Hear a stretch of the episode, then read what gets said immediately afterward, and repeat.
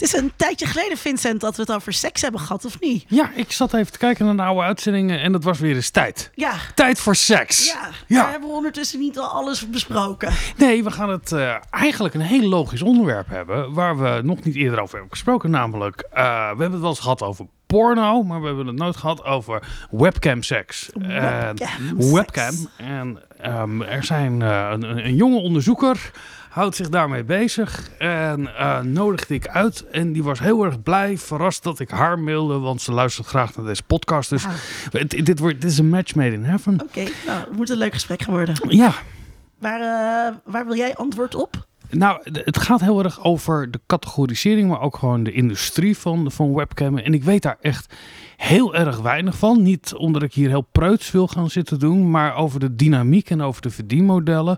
En vanmiddag meldde ze mij terug dat ze zei, ja, ik ben ook nog bezig met onderzoek waarin ik ook daadwerkelijk met performers heb, eh, heb gesproken. En daar ben ik ook wel heel erg benieuwd naar. Over hoe mensen dat eh, beleven, over hoe die industrie in elkaar zit, over de politiek van de platformen. Gaan we het allemaal over hebben. Oké. En waar ben jij benieuwd naar? Nou ja, ik weet natuurlijk alles al. Ehm, ja, nou, ik ben wel vooral benieuwd naar eh, hoe performers zichzelf zien. En of performers zichzelf ook als eh, sekswerkers zien. Er is iets wat de uh, hierarchie wordt genoemd. Hè? De, de hoerhiërarchie. De hoerarchie, zeg ja. Ehm, waarin vooral dat stigma, zeg maar, wat er natuurlijk zit op sekswerk, heel erg doorspeelt. En mensen eigenlijk naar beneden trappen. Dus dat, daar ben ik benieuwd naar. Ja, of dat doorzet. Volgens mij staat ze voor de deur. Oké, we gaan open doen. Deze podcast wordt mede mogelijk gemaakt door Code Clear.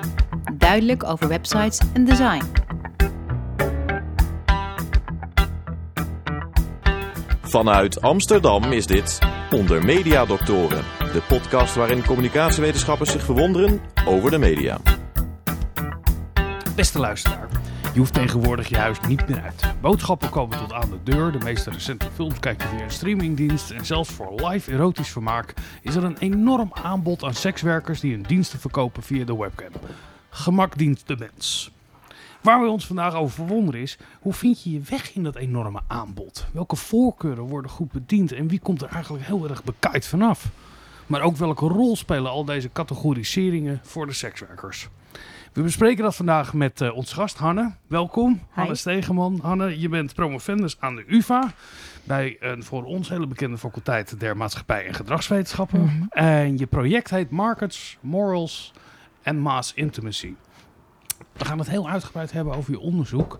Maar de eerste vraag die in me opkwam is: waarom vind je het eigenlijk belangrijk dat we hier onderzoek naar doen? Dat is altijd een goede vraag om mee te beginnen, denk ja. ik. Um, ja, voor mij was eigenlijk, of blijft de grote motivatie dat zo'n vijf jaar geleden ging iedereen heel veel onderzoek doen opeens naar Uber en Deliveroo en thuisbezorgd en zo. En heel erg dit concept van gigwork en online werk en dat dat zo soort van nieuw was. Maar als je kijkt naar uh, webcammen, dat gewoon de eerste sites waarvan er nog steeds best wel veel online zijn, waren al in soort van mid jaren negentig online. En er waren gewoon al heel erg lang heel veel mensen online aan het werken. En ik denk door een stukje taboe en stigma is daar niet evenveel onderzoek naar als naar Uber. Is, is, is dit het klassieke voorbeeld dat, dat seks en pornografie altijd de eerste zijn die nieuwe technologie Dat wel een omarmen? beetje, ja. Maar ik, ik vind dat ook wel vaak. Het lijkt toch wel vaak terug te komen. En dan, ja, denk ik toch, daar zit gewoon best wel veel ervaring en wijsheid. Die, die we volgens mij niet hoeven te negeren en waar we nog best wel veel mee kunnen. Merk, um, jij, merk jij dat het stigma dat aan sekswerk kleeft ook kleeft aan de sekswerkonderzoeker? Um, ja, natuurlijk altijd een beetje, denk ik wel. Uh, dat is niet om te zeggen dat het zeg maar ook maar enigszins vergelijkbaar is. Maar er, je krijgt iets meer opgetrokken wenkbrauwen en oh, doe je daar onderzoek naar? Of ook een beetje het idee van waarom zou je daar überhaupt onderzoek naar doen? Is dat niet een beetje gek? Of is er niet iets met jou waarom je daar onderzoek naar doet? Um, dus er, er zit altijd wel een stukje aan. En het is natuurlijk ook net, in ieder geval, ik weet ook bij mezelf soms als ik in een taxi zit en iemand vraagt, wat doe je? En ik zeg dat ik aan het promoveren ben. En ze vragen waarover. Soms dan zeg ik gewoon, ja, online werk. Omdat ik gewoon even geen zin heb om daar, ja, dat hele punt aan te gaan en daarover te moeten discussiëren en moeilijk doen en zo. En het- is het een... eh eh laten we hier straks over hebben. want Ik vind het wel een belangrijk onderwerp. Linda, Hoi. we hoorden je al. Jij schreef eh, eindelijk weten wat seks is. En eh, zoals we, de luisteraars wel weten, wij lezen el- elkaars werk niet natuurlijk. Heb je het daarover webcammen gehad? Eh, er zeg je me wat? Ik denk het wel. Ik denk het wel. Oh, jij, maar niet jij, jij heel- kent je eigen werk ook niet. Nou, ik heb wel. Maar dus er gaat een heel hoofdstuk over eh, sekswerk. Hè? Dus eh, het gaat over de verschillende betekenissen die seks kan hebben in onze samenleving. En werk is er eentje van. Ehm, en dus in dat uitgebreide hoofdstuk over eh, seks zal ik het zeker, zal zeker webcam wel ter sprake zijn gekomen. Maar het gaat niet heel uitgebreid eh, erop in. Volgens mij staat er een stukje in over hoe ehm, over ehm, doxing Hmm. en ehm, eh, Want doxing is dan is het... die, andere, die andere term die ik hier nu zoek. Doxing en Capping? Dat, ja, dat zou de term zijn die ik... capping. Ja. Precies, dat was de term. eh, Wat was de tweede term? Eh, capping. Dus, eh, Wat is capping? capping is wat eh, steeds lastiger wordt. Merk je misschien zelf wel eens als je, Screen als je, cap. van, ja, als Ja. je van Netflix iets wil screencappen. Ik moest laatst ergens eh, eh, spreken en wou ik wat beeldmateriaal laten zien. En dat lukt dus gewoon niet Mhm. meer. Als je een stukje Anne Plus of zo wil laten zien, wat je niet illegaal kunt downloaden, dan kan je het dus ook gewoon niet meer screencappen. Maar dat is dus cappen. En doxen is eh, ehm, iemands ongewenst iemands eh, persoonlijke gegevens online zetten. Ja, maar je moet het dus eerst eh, eh, eh, cappen om het te kunnen doxen, zeg maar. Nee, want doxen gaat dus over jouw privégegevens. Dus je naam, je adres. ja, waar je woont. Oh, niet zozeer een afbeelding van een performer die dan ergens anders wordt gebruikt. Nee, dat is cappen. Ja. En dat, is, en dat is natuurlijk gewoon, capping is natuurlijk gewoon het jatten van werk. En doxing is ontzettend bedreigend voor sekswerkers. Eigenlijk voor iedereen. Hanne, je gaf al aan dat je onderzoek... eh, maar mag je dat weten? Of ik iets over cameras, over webcammers heb ik vroeg me af, want Ja. ik heb je boekje niet helemaal gelezen. Maar ik vroeg me af of het een eh, thema is. In, in, want ja, als je eindelijk weet wat seks is, dan moet je toch ook weten Nou ja, wat dus- webcam seks is. Het Ja, is toch wel het- een gemist hoofdstukje in dit verhaal. Ja, maar dan krijg je zoveel hoofdstukken. Het is dus niet een gewist, want het gaat, gaat een heel hoofdstuk van de vijf over Hmm. sekswerk. Ah ja. Dus het is helemaal niet een gemist hoofdstukje. Het zit er gewoon in. En voor mij, wat mij betreft, ehm, is eh, webcamwerk is eh, sekswerk. Dus alle andere dingen die ik over sekswerk schrijf, over het stigma, Hmm. ehm, wat eraan zit, eh, over wetgeving, ook eh, technologische wetgeving gaat er ook wel over. Eh, dat gaat allemaal over sekswerk. Hoe, hoe definieer jij dat, Hanne? Maak je daar een onderscheid in tussen online performers en sekswerkers, als het online of niet online, nou ja, waar je die Ja. grens ook terug? Je hebt meteen wel ook een moeilijke vraag voor me. Want dit is echt iets waar ik zelf nog in mijn onderzoek mee, mee worstel. Omdat ik ze- vanaf het begin zelf zou ik ook zeggen webcammen dat sekswerk. En veel van die dingen, vooral ook omdat sekswerk natuurlijk een soort paraplu-term is, letterlijk, ehm, is het, ja, kun je best wel veel dingen samengrijpen daarin. Alleen, ik heb dus ook ja, best wel heel erg veel gesproken met mensen die webcammen zelf. En er zijn gewoon best wel veel mensen die zelf zeggen dat ze het geen sekswerk vinden. En dat is deels ook omdat dat stigma natuurlijk een stukje van zich af te zetten. Maar ik vind dat best lastig om dan te zeggen: oké, wie ben ik dan om te zeggen. Jij zegt dat je geen sekswerk doet, maar ik sta hier buiten als onderzoeker en ik ga zeggen dat je dat wel doet of zo. Ja. Is, dat, is dat mijn plek? Ehm, dus soms worstel ik daar nog wel mee. En het hangt er ook net van af. Sommige mensen die je spreekt, doen wel gewoon webcammen op echte webcam-sites. Maar gaan bijvoorbeeld nooit, bijvoorbeeld als je een vagina hebt, iets penetrerends doen of zo. En dan is het al best wel snel ook zo van, oké, wat is je definitie van seks? En dan zijn zij al op het punt van, ja, omdat er dus geen penetratie is, vind ik het geen seks. En ook geen sekswerk. En ik denk dat je seks ruimer dan dat kan definiëren. Dat vind jij vast ook. Ehm, maar dat dat... Ik ook. Maar eh, Nou ja, het is, het is, het is wel handig. Er wordt soms een onderscheid gemaakt tussen direct en indirect sekswerk. Waarbij bij direct sekswerk er dus direct contact plaatsvindt ehm, eh, met een, eh, tussen een klant en een sekswerker. En bij indirect niet. Ehm, wat, wat jij zegt, is, dat is natuurlijk gewoon een heel groot probleem. Dus in de sociale wetenschap zijn we eh, bij onderzoek vaak gewend om echt wel ook te kijken naar zelfcategorisatie. Hè, Toen we hadden bijvoorbeeld met. ehm, Jaron kwam, kwam dit ook een beetje te, ter sprake. eh, van wat is een complottheorie? Nou, een complottheorie is als, als het zo genoemd wordt. Ja, En, als je een ehm, interview begint met u bent een wappie. eh, maar hier speelt er natuurlijk wel meer, meer mee. Dus er is ook bijvoorbeeld wel onderzoek naar. ehm, dus ook bijvoorbeeld ehm, ehm, eh, sekswer mannelijke sekswerkers die eh, seks hebben met mannen. Ehm, daar sowieso in de gay scene is er veel meer transactionele seks. En eh, die jongens en mannen zien zichzelf ook minder snel als sekswerkers. Of bijvoorbeeld ehm, onderzoek in ehm, Zuidoost-Azië. Eh, mensen die daar eh, in bars werken, die zichzelf meer als een soort van hospitality workers zien dan sekswerkers. En nou ja, wat je zegt, dat heeft alles te maken met, met Mhm. dat stigma dat eraan kleeft.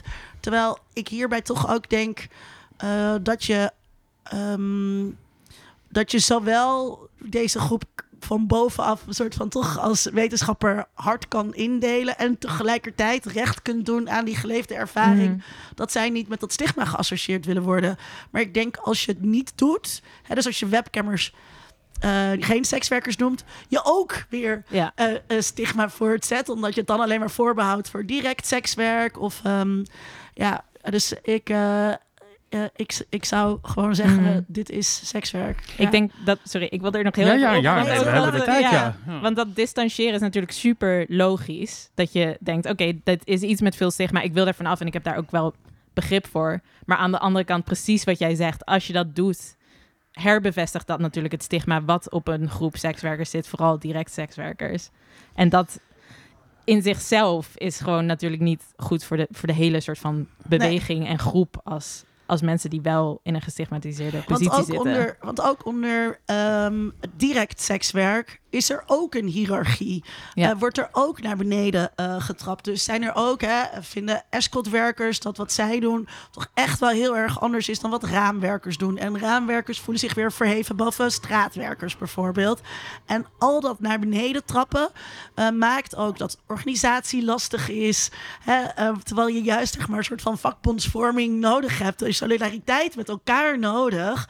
Wil je van dat stigma af? Wil je van ehm, eh, eh, slechte wetgeving af? Hè, dus als we ooit sekswerk willen de- decriminaliseren, wat ik heel graag zou willen, dan. eh, dan, dan moeten toch ook die webcammers Ja. solidair zijn met de straatwerkers in alle groepen. We gaan het straks nog uitgebreid over hebben. Maar ik ben nu wel Mhm. benieuwd als jij met webcammers eh, benadert om te interviewen. Ja. Straks ga je vertellen wat je allemaal hebt gedaan daarmee.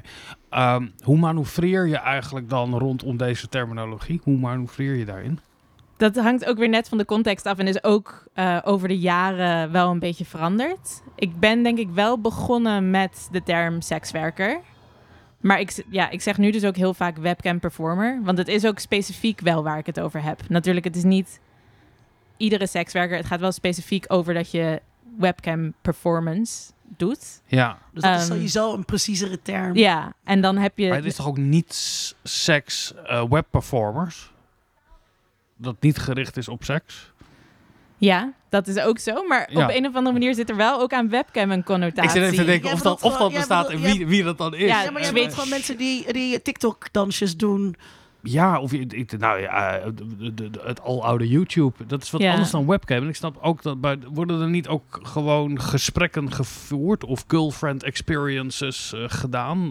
Eh, Ja, ik denk dat het allemaal heel erg. als wij het kunnen verzinnen, zal het er vast wel zijn. Ja, maar er zijn ook, want al die mensen op Twitch die dan games streamen, Ja, daar zijn, daar zijn ook allemaal vage lijnen tussen. Ben je nou eigenlijk wel een soort sekswerk aan het doen of niet? En is het feit dat je misschien een laag topje aan hebt, wat echt handig voor je is financieel en ik steun je daar helemaal in. ehm, is dat, heeft dat eigenlijk ook niet iets met sekswerk te maken? En hoort dit allemaal niet een klein beetje meer bij elkaar dan we denken? Nou ja, ook dus, eh, eh, ik ken iemand en eh, die twerkt. En dus haar Instagram en haar TikTok, ja, daar, daar gelden gewoon hele strenge regels. Dus dat mag geen seks zijn. Maar ja, het is sowieso twerken. Ze heeft vaak weinig kleren Mhm. aan. En eh, het is ook een manier om mensen naar haar OnlyFans te krijgen. Ja, dat ik, op haar ja. OnlyFans is het wel veel explicieter. Ehm, en ja, dat, ja, dat is natuurlijk altijd. Laten we eens bij het begin beginnen. Ehm, de, de- de- de onderzoeken waar je eerder aan refereerde, als eh, Airbnb en, Mm. en, en, en Uber, eh, dat, dat wordt dan vaak over de, de, de platformisering van de economie genoemd. Ja. En eh, die platformen die spelen ook een rol eigenlijk. Het, zijn weinig positieve resultaten uit dat soort onderzoek hoe Mm. het is om werkzaam te zijn binnen zo'n platformeconomie. Ehm, hoe is dat eigenlijk voor de mensen die daar hun geld verdienen? Ja, ehm, Nu ik- vermijd ik de term ook, hè? hoor je dat? Ja. wat zei je? Ja, je de zei ook mensen die daar geld mensen. verdienen. Ja, Wie zijn eh, die mensen? Ehm, ja, dat is, ik denk, een deel natuurlijk wel in lijn met die andere onderzoeken. Want we weten gewoon dat die platforms deels handige constructies hebben waar je geen werknemer bent. En dat dat voor hun heel financieel voordelig is en niet per se voor jou als werker. En dat bestaat op webcam-platforms ook. Het is aan de andere kant natuurlijk ook... Ja, er zit altijd een keerzijde aan. Mensen doen dit ook voor een reden. En het is ook wel zo dat het veel flexibiliteit geeft, die misschien traditioneel soort werk niet geeft. En dat Maar kan je dat, even uitleggen, hoe, hoe, hoe ziet het betaal, Ja. hoe ziet het verdienmodel eruit? Nou, wat, zoals het lijkt, want het is ook wel zo dat die platforms niet heel graag met je willen praten. Ehm, zoals het grotendeels lijkt te zijn, is eh, als performer. Die term ga ik gewoon gebruiken. Prima, ja. Ehm, we hebben het eh, je- genoeg eh, context gegeven. Ja. ga je online en dan word je of per minuut betaald eh, door één of meer klanten tegelijkertijd. En die geven dan, nou, kan echt tussen 60 cent en 10 euro per minuut zijn. Ehm, of je krijgt tips, eh, dus fooi. Terwijl er gewoon heel veel mensen naar je kijken, kunnen allerlei mensen fooi geven. En dan vaak heb jij een soort minuutje staan van... oké, als we 50 tokens aan fooi hebben, dan laat ik mijn borsten zien. En dan, dat is zeg maar, dat bouwt dan steeds verder op. En op die tokens verdien jij, maar op die tokens en op die betaling per minuut verdient het platform ook. Dus ene is meer een soort fooien systeem. Ja. En eh, als je iets doet, dan, eh, hè, dan krijg je meer fooien. En, dat- Mhm. en het andere is meer dat je eh, exclusiever of ja, privé. het is meer of, privé. en in- dan is er een, een maximum. En, en waarom is het aantrekkelijk om dan juist ook privé eh, dat te doen in ten opzichte van. ja, mensen willen graag het gevoel hebben van een echte intieme interactie. Oh, dan Dus- is die interactie er ja. ook met de klant Ja, om dan- eh, eh, wat vind je leuk en. eh, Ja, en ook bijvoorbeeld soms wel de optie dat de klant ook zijn of haar camera aandoet. Of Ja. ja, zeg maar, er, er is dan opeens veel meer interactiemogelijkheid. Het is intiemer. En het voelt in ieder geval een stuk intiemer voor mensen. Ja. Ehm, dus daar, ja, daar gaan mensen voor betalen. Ik vind het zo oneindig fascinerend dat. ehm, eh, kijk, in, in, eh, porno is natuurlijk gewoon een probleem eh, met alle gratis ehm eh, tube sites die er zijn. eh, waar veel gestolen werk op staat. Waar, weet je wel, het, gewoon het hele idee voor bijna iedereen in de wereld. Iedereen in de wereld denkt dat Porno porno, is gratis. gratis. is. Ja. En je moet dan dus niche groepen aanspreken. Wil je, wil je dat anders doen? Ja. Eh, maar dit is gewoon de behoefte die mensen hebben aan Mhm. um, menselijk contact eigenlijk. Die is zo sterk dat het maakt niet uit dus hoeveel gratis porno er is. Dat ze toch uh, Ja. willen betalen voor dat iemand zegt... Hoi Vincent, vind je het gek geil als ik dit doe? En dat, dat, dat die aantrekking zo belangrijk is. Dat menselijk contact ja, Ja. speciaal willen zijn. Het gevoel hebben dat er een band is. Uh, ook het idee hè, van lieg tegen mij. Hè? Dus dat... Mhm. Ja. Eh, het, het doet me heel erg denken aan de sekslijnen eigenlijk. Daar had je ook zeg maar het live één op één contact. En, of, een, Of een bandje. een bandje luisteren, Ja. wat dan veel generieker, maar gratis. Nou, nee, dan moest je dan per minuut betalen ook. maar, dat was maar eigenlijk dat- veel duurder allemaal. Ja, maar dus dat bandje was veel goedkoper dan eh, het Ja. op één contact. Ja, dus, dus ja, omdat het medium verandert, eh, Ja, het de- blijft de, aard hetzelfde. blijft hetzelfde. Ja. Hoe, En- hoe, wat, wat, eh, wat pakken die platformen? Hoe- Weet je dat? In wat percentages? Het verschilt best wel, maar het is wel tot een zekere hoogte best wel schokkend als je het vergelijkt met andere soort platformen. Ehm, dus tussen de, ze pakken vaak tussen de 25 en 75 procent. Ehm, en best wel vaak, veel van de grote pakken ongeveer de helft of iets meer dan de helft.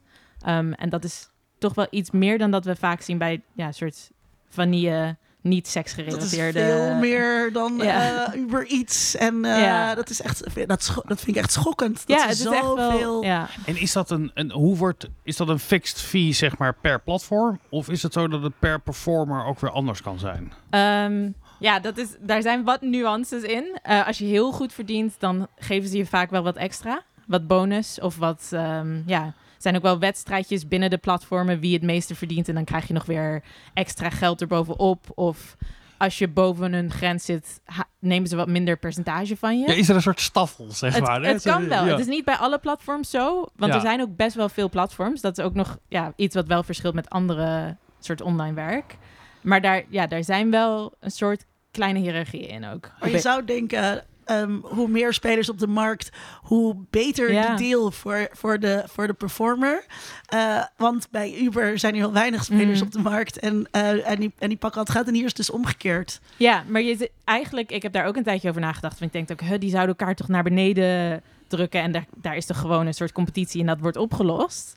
Niet dat de markt ooit iets oplost, maar goed. Mm, Maar wat, wat je ook wel gewoon heel erg ziet, wat mensen echt ook veel zeggen, is: ja, maar we kunnen niet ergens anders heen. Want al die financiële services, eh, PayPal en Cash App en ook trouwens wel gewoon Tikkie, dat werkt niet voor ons. Dus we kunnen ook niet zeggen: oh, bel maar even op Skype of we gaan even op WhatsApp of zo. En dan neemt niemand een percentage. Want al die, al die dingen waardoor mensen je kunnen betalen, dat lukt niet zomaar Ja. individueel. Dus je zit best wel vast aan die platforms. Een, eh, een vriend van mij is een, een Nederlandse OnlyFans begonnen. Mhm. eh, Friends to Follow, ken je dat? Ja? En ehm, zij eh, zijn dus eh, heel oprecht, zeg maar, in hun sekswerk aanpak. Dus ze zitten hier in Amsterdam. Ze hebben ook gewoon een kantoor waar je langs kunt gaan. Eh, ook als performer, wat gewoon heel fijn is.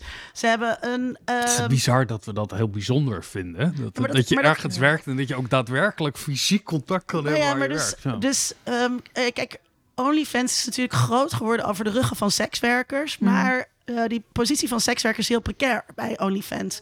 Eh, precies dus ook van wat jij zegt, eh, die relatie met financiële bedrijven. Ja. Het, zijn, het is altijd onder druk dat, dat een creditcardmaatschappij zegt... wij willen niet meer met jullie werken. Of... ehm, dat er wetgeving komt Hmm. eh, die, die, dat, die dat verbiedt. Dat je eh, aan sekswerk geld verdient, ook als platform. En dan lig je er dus zo uit. En dat was eh, voor hun bij Friends to Follow dus wel echt reden om Friends to Follow te beginnen. Ook omdat ze expertise daarin hebben. En zij hebben dus gewoon een klantenservice Mm. die je kunt bellen en die bereikbaar is. Nou, dat is bij OnlyFans is dat super moeilijk.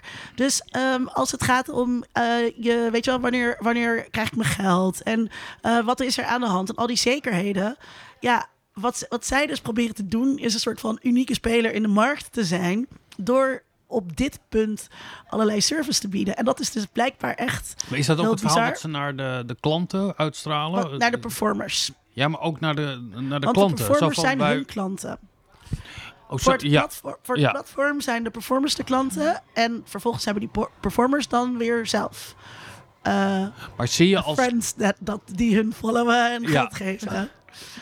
Nee, maar ik kan me heel goed voorstellen dat, dat je een soort Max Havelaar keurmerk wil hebben voor online eh, eh, performances. Dat je weet dat het Ja. dan wel goed geregeld is voor de performer. Dat, dat kan ik wel iets bij Ik voorstellen. weet nu even niet. Ik, zit, vast- ik denk dat dat ergens in een aantekeningenboekje staat dat op kantoor ligt.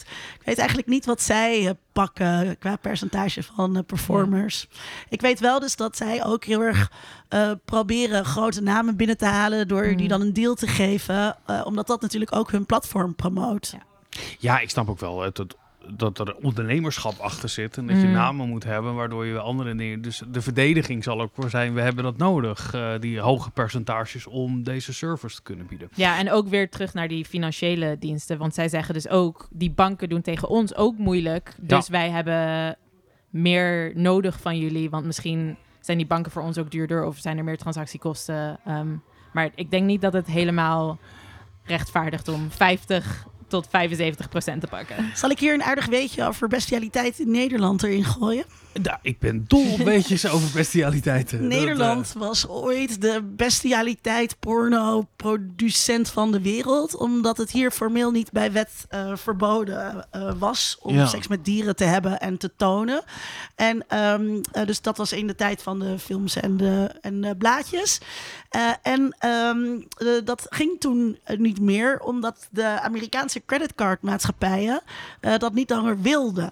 En ehm, eh, eh, er is, is toen nog die Nederlandse bestialiteitproducenten die hebben toen nog een rechtszaak aangespannen van kan het zo zijn dat Amerikaanse creditcardbedrijven onze media en onze cultuuruitingen censureren. Uh, die zaak hebben ze verloren. Hmm. Uh, en toen stortte die bestialiteitmarkt in. En pas een aantal jaar later uh, werd, kregen wij ook wetten, eigen wetten tegen bestialiteit. Ja. Um, waar wij het zelfs wel eens over gehad hebben Ja. in de aflevering die werkt over dieren en de media, geloof ik. Uh, omdat die bestialiteitswetten eigenlijk een beetje raar waren, want we hebben al wetten tegen dierenmishandeling. En waarom moesten we dit nu nog hebben? En die porno die lag dus sowieso al op zijn gat. Ik, Precies ik, vanwege die macht van, uh, van, Ja. die, van die financiële instellingen. Ik, ik moest er nog aan denken van de week, omdat nu... Ondertussen hebben wel deals doen met wapenhandelaren. Mm, dat is allemaal Ja. oké. Laten we daar wel even op Ja. wijzen, ja. Nee, maar sinds deze week is necrofilie volgens mij verboden, of ze willen het verbieden. Maar ik vroeg me dan af, als je dan bestie... Mag je wel seks hebben met dode dieren? Eh, of, of zijn deze wetten, staan die naast elkaar? Gaan we het een andere keer misschien een keer Nou, over hebben? luisteraar, Hanne, een beetje hier eh, op het antwoord. Laat het dan weten. Precies. Je hebt iets gedaan, Anne, in je onderzoek wat volgens mij heel veel mensen nog nooit hebben gedaan. Namelijk, je hebt ook daadwerkelijk de Terms of Service gelezen van deze eh, platform. Ja, dat klopt. Wat, wat, wat, wat ben je daarin tegengekomen? Ik heb het artikel hier in mijn hand voor de luisteraars. Eh, Ja, nou ja, op zich relateert het best wel terug naar dat eh, feitje over bestialiteit. Ehm, omdat ik dacht op een gegeven moment... Oké, het is allemaal goed om natuurlijk met werknemers te praten. Of ja, volgens platforms nooit werknemers trouwens, eh, werkers. Ehm, maar het is ook goed om te weten wat die platforms zelf nou eigenlijk zeggen... en wat ze naar buiten brengen. Dus ik dacht ook, oké, ik heb dit nog nooit eerder gedaan... maar ik ga Terms of Service lezen. Want wat, Ehm, heb jij, wat, waar heb jij, wat heb jij gestudeerd? Ik heb wel mediastudies gestudeerd, vooral. Eh, ook Engels, maar dat is niet helemaal gerelateerd. Maar niet, geen rechten. Geen rechten, nee, Nee. zeker niet. Nee. Ehm, dus voor mij was het ook wel nieuw. Maar het viel eigenlijk best mee trouwens, het lezen ervan. Ik, eh, ik dacht dat het heel moeilijk en zwaar zou worden, maar eigenlijk... Ja, het is een beetje saai, maar het is niet, het is niet verschrikkelijk. Ehm, maar daar, stond, ja, daar staan dus allemaal dingen in over wat er wel of niet mag op een webcam-site. En een webcam-site is al expliciet. Je zei net zelf ook al, Instagram, Facebook, super streng. En dat weten we ook, die zijn niet gemaakt voor seksuele content. Webcam-sites in principe wel, maar zij hebben ook nog regels. En wat ik heel erg vond in die Terms of Service is dat die regels gewoon wel ook bepaalde normen geven over welke seksualiteit dan wel oké is en welke dit- dit- niet. Er zit een moraliteit. eh, er zit een moreel stuk in en dat wordt ingegeven niet door niet dat ik er heel blij mee zou zijn als de overheid dat zou doen, maar niet door een soort democratisch verkozen orgaan, maar door een bedrijf of door een creditcardmaatschappij. En dat is natuurlijk heel erg gek. En kan je een voorbeeld geven wat jou verbaasde over waar die grenzen getrokken worden? Nou, er is bijvoorbeeld, ehm, en ook omdat ze dan heel, ze gaan veel te veel overcorrigeren. Ehm, maar als je het relateert aan bestialiteit, op zich logisch dat die regel er is. Maar dan ook bijvoorbeeld als je kat een keer in de achtergrond wandelt terwijl jij aan het cammen bent, Hm? dan kun je zomaar het platform al afgekikt worden. Omdat je gewoon helemaal geen dieren überhaupt in beeld mag hebben. Maar jij kan natuurlijk gewoon een cammer zijn met katten en die katten moeten ook rondlopen. Ja, Dus dat is dan opeens een probleem. maar is dat dan om het... Ja, ik kan me voorstellen dat je... Want anders moet je ook gaan, precies gaan beschrijven wat je dan precies met je huisdier doet. Om het, is, is het op die manier zijn de... Ja, het is natuurlijk een stukje gemakzucht, maar het is ook wel gemakzucht die vervolgens wel heel erg beïnvloedt wat allemaal wel en niet kan. Ja. En ook dingen over bijvoorbeeld lichaamsvloeistoffen. Ik denk wel veel in het Engels, omdat die termen allemaal ook in het Engels zijn. Dat, eh, Ehm, maar dan dat dus heel veel bijvoorbeeld bloed en zo allemaal niet mag. Terwijl nou ja, best wel veel performers menstrueren gewoon. Je moet ook gewoon best door kunnen werken, denk ik, terwijl je aan het bloeden bent. En dat, dat mag dan oh, ook dus weer het niet. tonen van bloed mag helemaal nee, niet. tonen van bloed mag helemaal niet. Oh, wat, het is, wat is ook weer, ehm want ik heb het hier dus ook over eh, met die jongens van eh, Friends of Follow. Eh, dit is voor hun eh, een enorm probleem. Want eh, zij zijn dus zelf hier weer aan wetten gebonden. En zij ehm, moeten dus ehm, eh, content zelf modereren. Mhm. Eh, en dat kunnen ze natuurlijk niet handmatig doen, want daarvoor is het veel. Dus zij moeten ook ehm, eh, manieren vinden van eh, content screenen. Om eh, te zien of er dus niet ergens bloed is. En dat is echt voor hun ook heel Ja. erg lastig. En is dat gewoon iemand die door... Wat is live? Is- zit er dan iemand altijd met een rode Ehm, knop? eh, Friends to Follow is, zijn ook veel, eh, filmpjes waarvoor je betaalt. Hè? Dat is net als Mm. Only- het is echt als OnlyFans eh, is het. Eh, met algoritmes doen ze dat. Oké, met- en- en- en is dat... Ik weet niet of ik nu een bedrijfsgeheim weggeef. Wordt het, wordt het, wordt het altijd gemodereerd? Eh, ja, dat moet, ja, dat moet dus ook vanwege wetgeving en ook vanwege de creditcardmaatschappijen die dan opeens anders kunnen zeggen: dit willen we niet, waarom heb je dit gedaan? Wij gaan er vandoor. Ehm, en eh, er is dus wel veel moderatie en het is deels algoritmes. Ik weet ook wel een paar plekken waar er wel ook gewoon veel mensen ehm, bezig mee zijn de hele tijd. En En dan steekproef, steekproefsgewijs. ja, het is kijken? lastig te zeggen precies, maar wat ik voor me zie is een scherm met heel veel schermpjes daarop. Dus je bent wel aan het kijken, maar je bent ook wel heel erg veel tegelijkertijd aan het kijken. Dus je ziet misschien ook niet lijkt me een alles hele als moderator. Intensieve baan lijkt het me. Ja. de hele tijd. eh, Maar dat is natuurlijk bij zijn. Facebook net zo hard zo. Ja, ja, ja, Eh, dat- ja. dat- Dit is iets eh, wat klinkt als iets wat een jonge Vincent eh, had gedaan als baantje, zodat je dan later in de onder mediadoctoren Als je, als, je, als je daar goed, had kunnen als je zeggen. daar goed geld mee Ja, kan ik heb ooit nog bij F2F eh heb ik op, eh, geweest op bloed. op de avond. Laten we het hebben over. je- Je schrijft hier een stuk over. Er is best wel wat geschreven over algoritmes. En daar gaat het Mhm. vaak over bij platformen.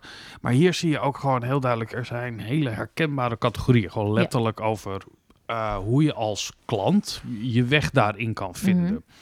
Ehm, hoe zien die categorieën eruit? Hoe, hoe, hoe, je- want je kan het op tal van dingen Ja. categoriseren. Ik ga niet heel preuts doen. Ik weet voor iets hoor, hoe dat gecategoriseerd zit. Maar hoe, want het gaat over lichaamskenmerken, Mhm. het gaat over gender, het gaat Mhm. over leeftijd. Leeftijd, Eh, ja. En hoe gaat het verder? Hoe, Nou ja, wat het vooral is, ehm, ja, dit was dus een stuk dat ik ook met collega's heb geschreven. ehm, ja, over welke, welke categorieën zijn er op webcam sites en op heel veel webcam sites. En wat het vooral is, is het gewoon best wel ouderwets en rommelig. Ehm, en ik denk, we hebben het vaak over algoritmes en AI en dingen die allemaal heel soort fancy en shiny en high-tech zijn. Ehm, maar het lijkt ook wel dat heel, ja, een deel van deze websites in ieder geval gewoon nog best wel draait op een soort ouderwets systeem waar er gewoon heel veel opties zijn voor heel veel categorieën. En dat is dan ja, lichaamsbouw, maar ook hoe groot wil je dat iemands borsten zijn? Hoe groot wil je dat iemands billen zijn? Hoe groot wil je dat iemands piemel is? Hoe ga je daar mee om? En je kan dat dan allemaal tegelijkertijd selecteren totdat je een soort perfect beeldje voor jezelf hebt gecreëerd. en zijn deze categorieën eh, top-down bepaald? Is er een vaste lijst waar je als performer Ja, deze zijn. Ik moet zeggen, er zijn ook wel tags die je zelf in kan stellen. Ehm, dat is natuurlijk meer bottom-up. Ehm, waar we hier hebben ja, naar gekeken, is vooral de categorieën die wel top-down zijn. En deze zijn dus allemaal top-down bepaald. Vaak is het wel zo dat je jezelf er dan in selecteert. Dus je zegt wel, ik ben slank, ik val onder de teen category, ehm, wit, dit en dat. Ja, je mag je, ja maar Ja. Die, die categorieën staan wel van tevoren vast en je Ja. mag er nog wat tekst eraan, eh, aan toevoegen. W- Hoe verhouden zich die zich gewoon? Dat weet je natuurlijk niet, want je hebt geen porno-sites onderzocht nog. Mhm. Zeg, maar komen die enigszins overeen?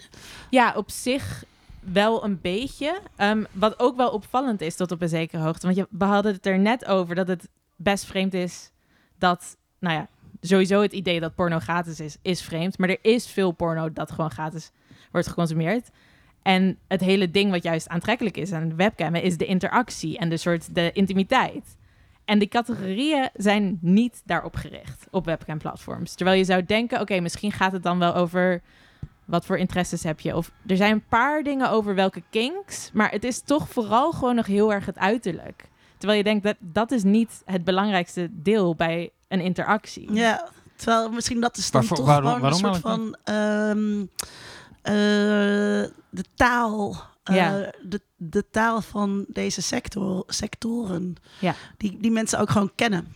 Ja, en die zichzelf dan een beetje in stand Ja. houdt, omdat het dan herkenbaar blijft. En je denkt, oké, ja, ja. mensen weten deze woorden. Maar je zou ook denken, als webcam-platform kun je daar misschien wel een beetje uitstappen en wat creatiever zijn eh, dan steeds weer dezelfde Eh, termen. En eh, wat, wat zou het belang daarvan zijn? Want als ik naar de En, bibliotheek... sorry, de sites die jij hebt onderzocht zijn een soort van mainstream sites, toch? Die hoog in zoekresultaten eh, terugkomen. Ja. En niet zozeer eh, queer, alternatieve Nee, er zaten een enkele tussen die misschien iets, iets alternatiever zijn. Maar het waren vooral gewoon ja, mainstream-achtige. Ja.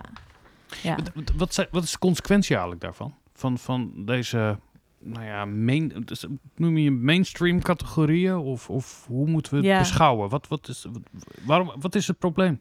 Het is, nou ja, ik weet ook niet helemaal zeker of het een probleem is. Dat is natuurlijk altijd weer het lastige. Ehm, want het is natuurlijk ook de taal van de industrie. Dus het werkt ook om jezelf te marketen met de taal van de industrie waarin je werkt. En mensen je herkenbaar kunnen vinden in, in, de soort, in de hokjes waarin jij jezelf kan verkopen. En dat is op zich handig. En mensen zeggen ook dat ze dat handig vinden.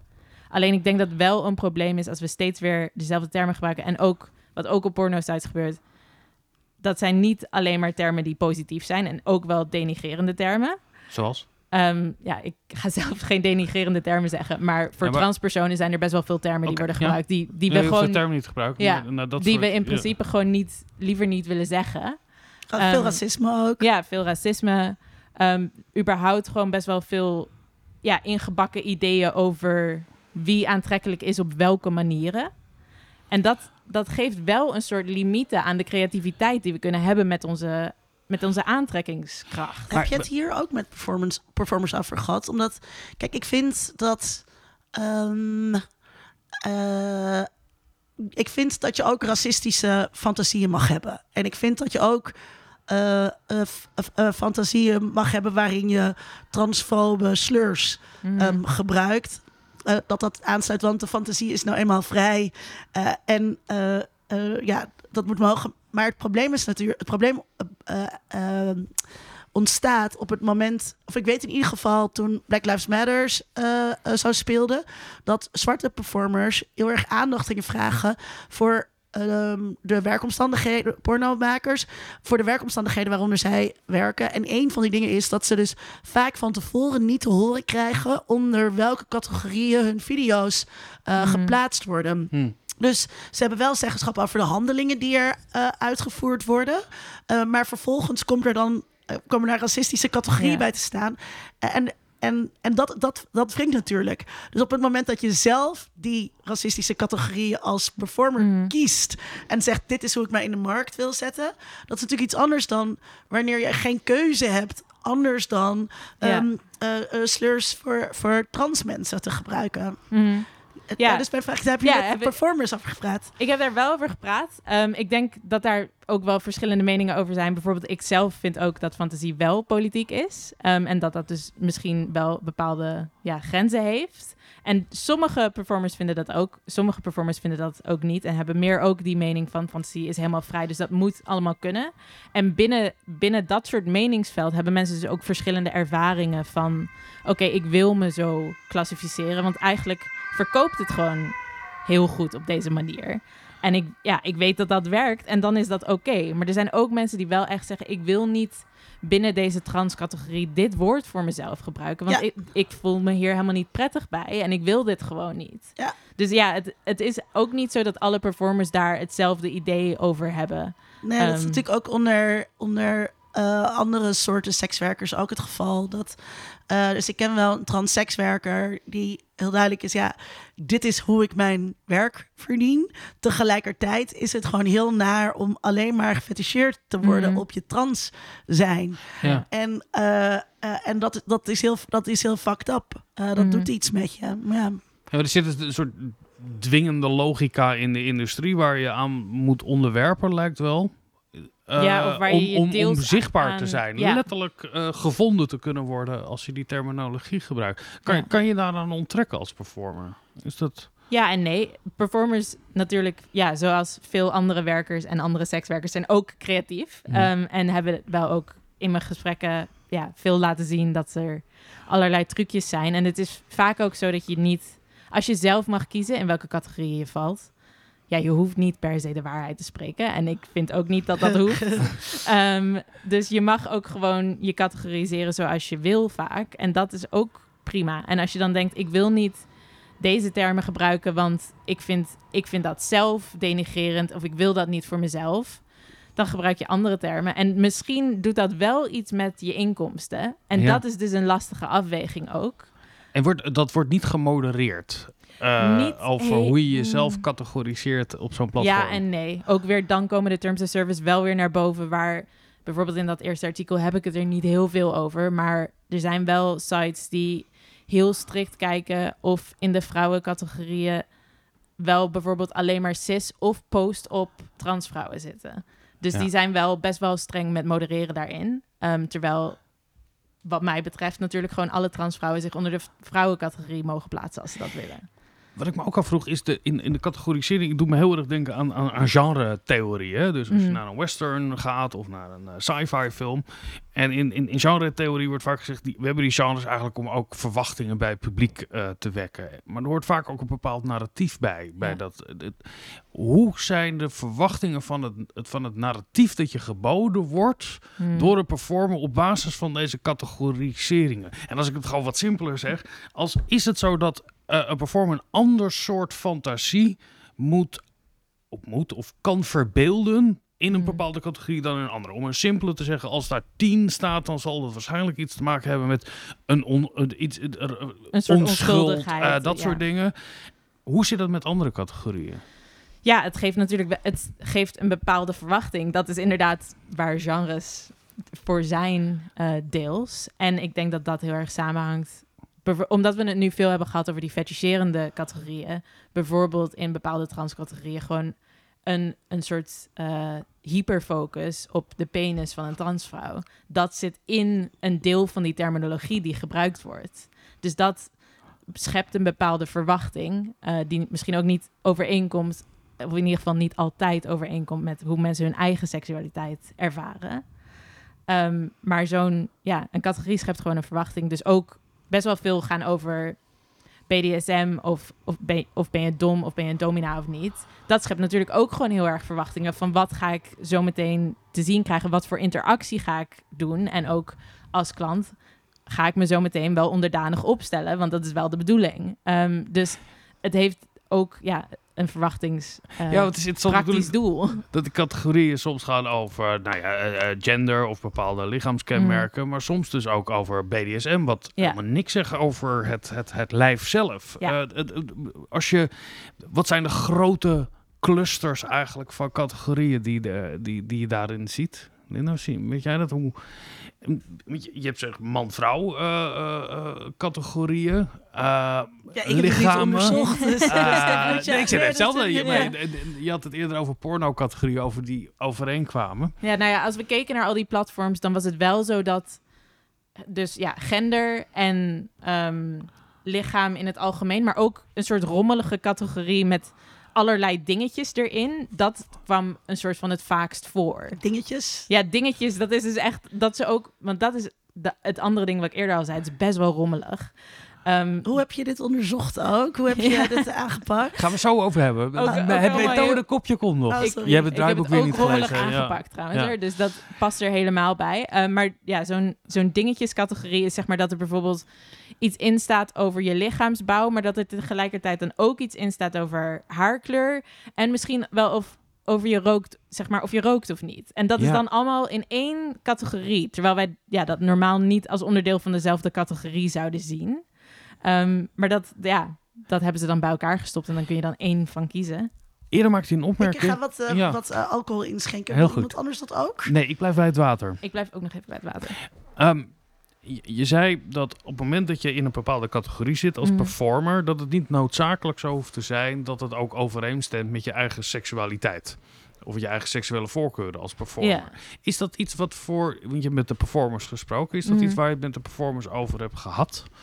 Ja, ja, in de zin dat natuurlijk veel werk niet altijd je eigen voorkeur heeft. En ik heb ook niet altijd... Nee, wij zitten ook wel eens op, te op kantoor ja. eh, een, iets anders te performen dan wat we graag Ja. Ja, precies. Ehm, dus dat, ja, dat komt wel veel terug. Ehm, en daar ook weer is best wel een verdeling waar sommige mensen echt zijn van... nou, ik leef heel erg een soort van mijn eigen seksualiteit ook online. En dat is juist heel belangrijk voor me. Ehm, dus ik ben bijvoorbeeld heel dominant en dat is wat ik uitstraal. En ik hou van precies deze dingen doen. Ik geef graag jerk-off instructions. Dat is wat ik doe. Ehm, er zijn ook mensen die zeggen, nou, dit is echt helemaal niet wie ik ben in het echte leven en in mijn slaapkamer met mijn partner. ehm, dit is alleen maar voor de cam. En ik vind het juist fijn dat er een soort afstand is en dat ik een soort rol kan Dat spelen. het juist iemand anders is. Maar Ja. wordt het ook als iets onderdrukkends ervaren om in een bepaalde rol te zitten? Hmm, niet niet vaak bij de mensen die ik spreek Ja? trouwens. Maar ja, Want die hadden dan niet voor die categorie gekozen. Want hoe, hoe kijk jij dan, Linda, als, als je, als je als performer... Nou, als je als performer in een bepaalde, bepaalde categorie is en populairder dan een andere. Dus je wordt min of meer als performer waarschijnlijk ook meer verleid om in een bepaalde categorie eh, te performen. Ehm, als dat niet overeenstemt met je eigen seksuele, seksualiteit of je eigen seksuele voorkeuren, is dat een probleem? Zit je nu niet ook een soort van onderdrukking te zoeken waar die misschien niet echt... Nee, dat is iets wat, wat, wat Hanne aangaf in Nou, een antwoord, ja, dat dat dus- niet overeen hoeft te komen. Ik weet het niet. Ja, maar kijk, het, het, Wij constateerden, wij zitten op ons werk ook wel eens iets te performen wie we eigenlijk liever niet willen zijn. Eh, dat is nou op ja, zich niet heel nee, erg. Onze collega's die doen ook onderzoek naar onderwerpen waar hun echte interesse misschien niet Hmm. ligt, maar Nee. waar ze wel heel veel, Ja, waar ze wel beursgeld voor kunnen krijgen. Ja. En dus ik weet niet of ik de vraag zo prettig eh, vind, omdat we natuurlijk vaak als het over sekswerk Hmm. gaat, het over onderdrukking willen hebben. precies. Ja. Eh, snap je wat ik bedoel? ja, nee, ik snap, ik wil dat- niet. Want Ja. nou, jij zei wel in je stuk dat deze categorisering eh, eh, ondermijnend kan werken of onderdrukkend kan werken op de performers. Uh, maar ook dat deze categorieën juist weer toege aange- Ja. hoe noem je dat? Eh, eh, toegeëigend kunnen worden door de performers. Om juist eh, Mm. een empowered daar te zijn. Hoe Ja. werkt dat dan? ja, nou ja, ik probeerde vooral ook, omdat inderdaad er zo'n neiging is om altijd over onderdrukking te praten. Ze moeten gered En- worden. ja, dat is... Door eh, jou, Janneke. Ja, Altijd Jo Janneke. Ja. Ehm, ja, om echt heel moe van te worden. Maar ehm, de, ja, ik wou graag een beetje nuance waar we nog wel kritisch kunnen zijn op die platforms. Juist ook omdat ze zoveel geld verdienen ehm, zonder zelf extreem veel risico te lopen. Ehm, ik wou wel nog kritisch kunnen zijn op de platforms, maar tegelijkertijd ook wel kunnen erkennen dat veel mensen gewoon dit als positief werk ervaren. En ook zeggen: Oké, misschien is dit niet mijn favoriete term voor mijn gender of voor ehm, de pa- bepaalde soort fetish die ik doe. Maar ik verdien er wel goed geld mee. En dat ook gewoon heel chill. En dat is op zich genoeg reden voor het om, ja, misschien niet helemaal empowering te zijn, maar wel gewoon dat je denkt: Oké, dat is gewoon prima dan. Als jij dat zo ehm, ziet. Ik dus ik, ja, ik wil ja, ook- alles tegelijkertijd hebben. Ik zou ook dat woord, eh, vind ik ook heel ongemakkelijk als het over sekswerk ja, gaat. Ja, omdat Welk we dan woord? De- empowering, Ja. dat weet je wel. Ik bedoel, ja, is het is is Moet je zijn werk- bij de Albert Heijn, is dat empowering? Ja. Ehm, nee, maar eh, het stelt dat je in staat om je boterham te verdienen. Ja, weet je wel, is jouw werk empowering? Dus ehm, je, ja, dit, je komt daarmee dus al snel in een discours van Ja, ofwel of- de happy ja. Mm. hoeker ofwel de onderdrukte sekswerker. Terwijl dat is gewoon helemaal niet de realiteit van werk. Dus ehm, je moet je gewoon een, een vertoog van werk toepassen. Ehm, weet Ja. je wel, eh, is het werk soms onprettig? Wat zijn dan dingen die je onprettig aan het werk vindt? Eh, is je werk soms leuk? Wat zijn dan dingen die je Mhm. daar leuk of fijn aan vindt... zonder dat je de woorden onderdrukkend en empowerend daarop Ja. plakt? Want ik herken wel eh, wat je zegt, in, ook in het veld van onderzoek wat jullie allebei doen, is dat er.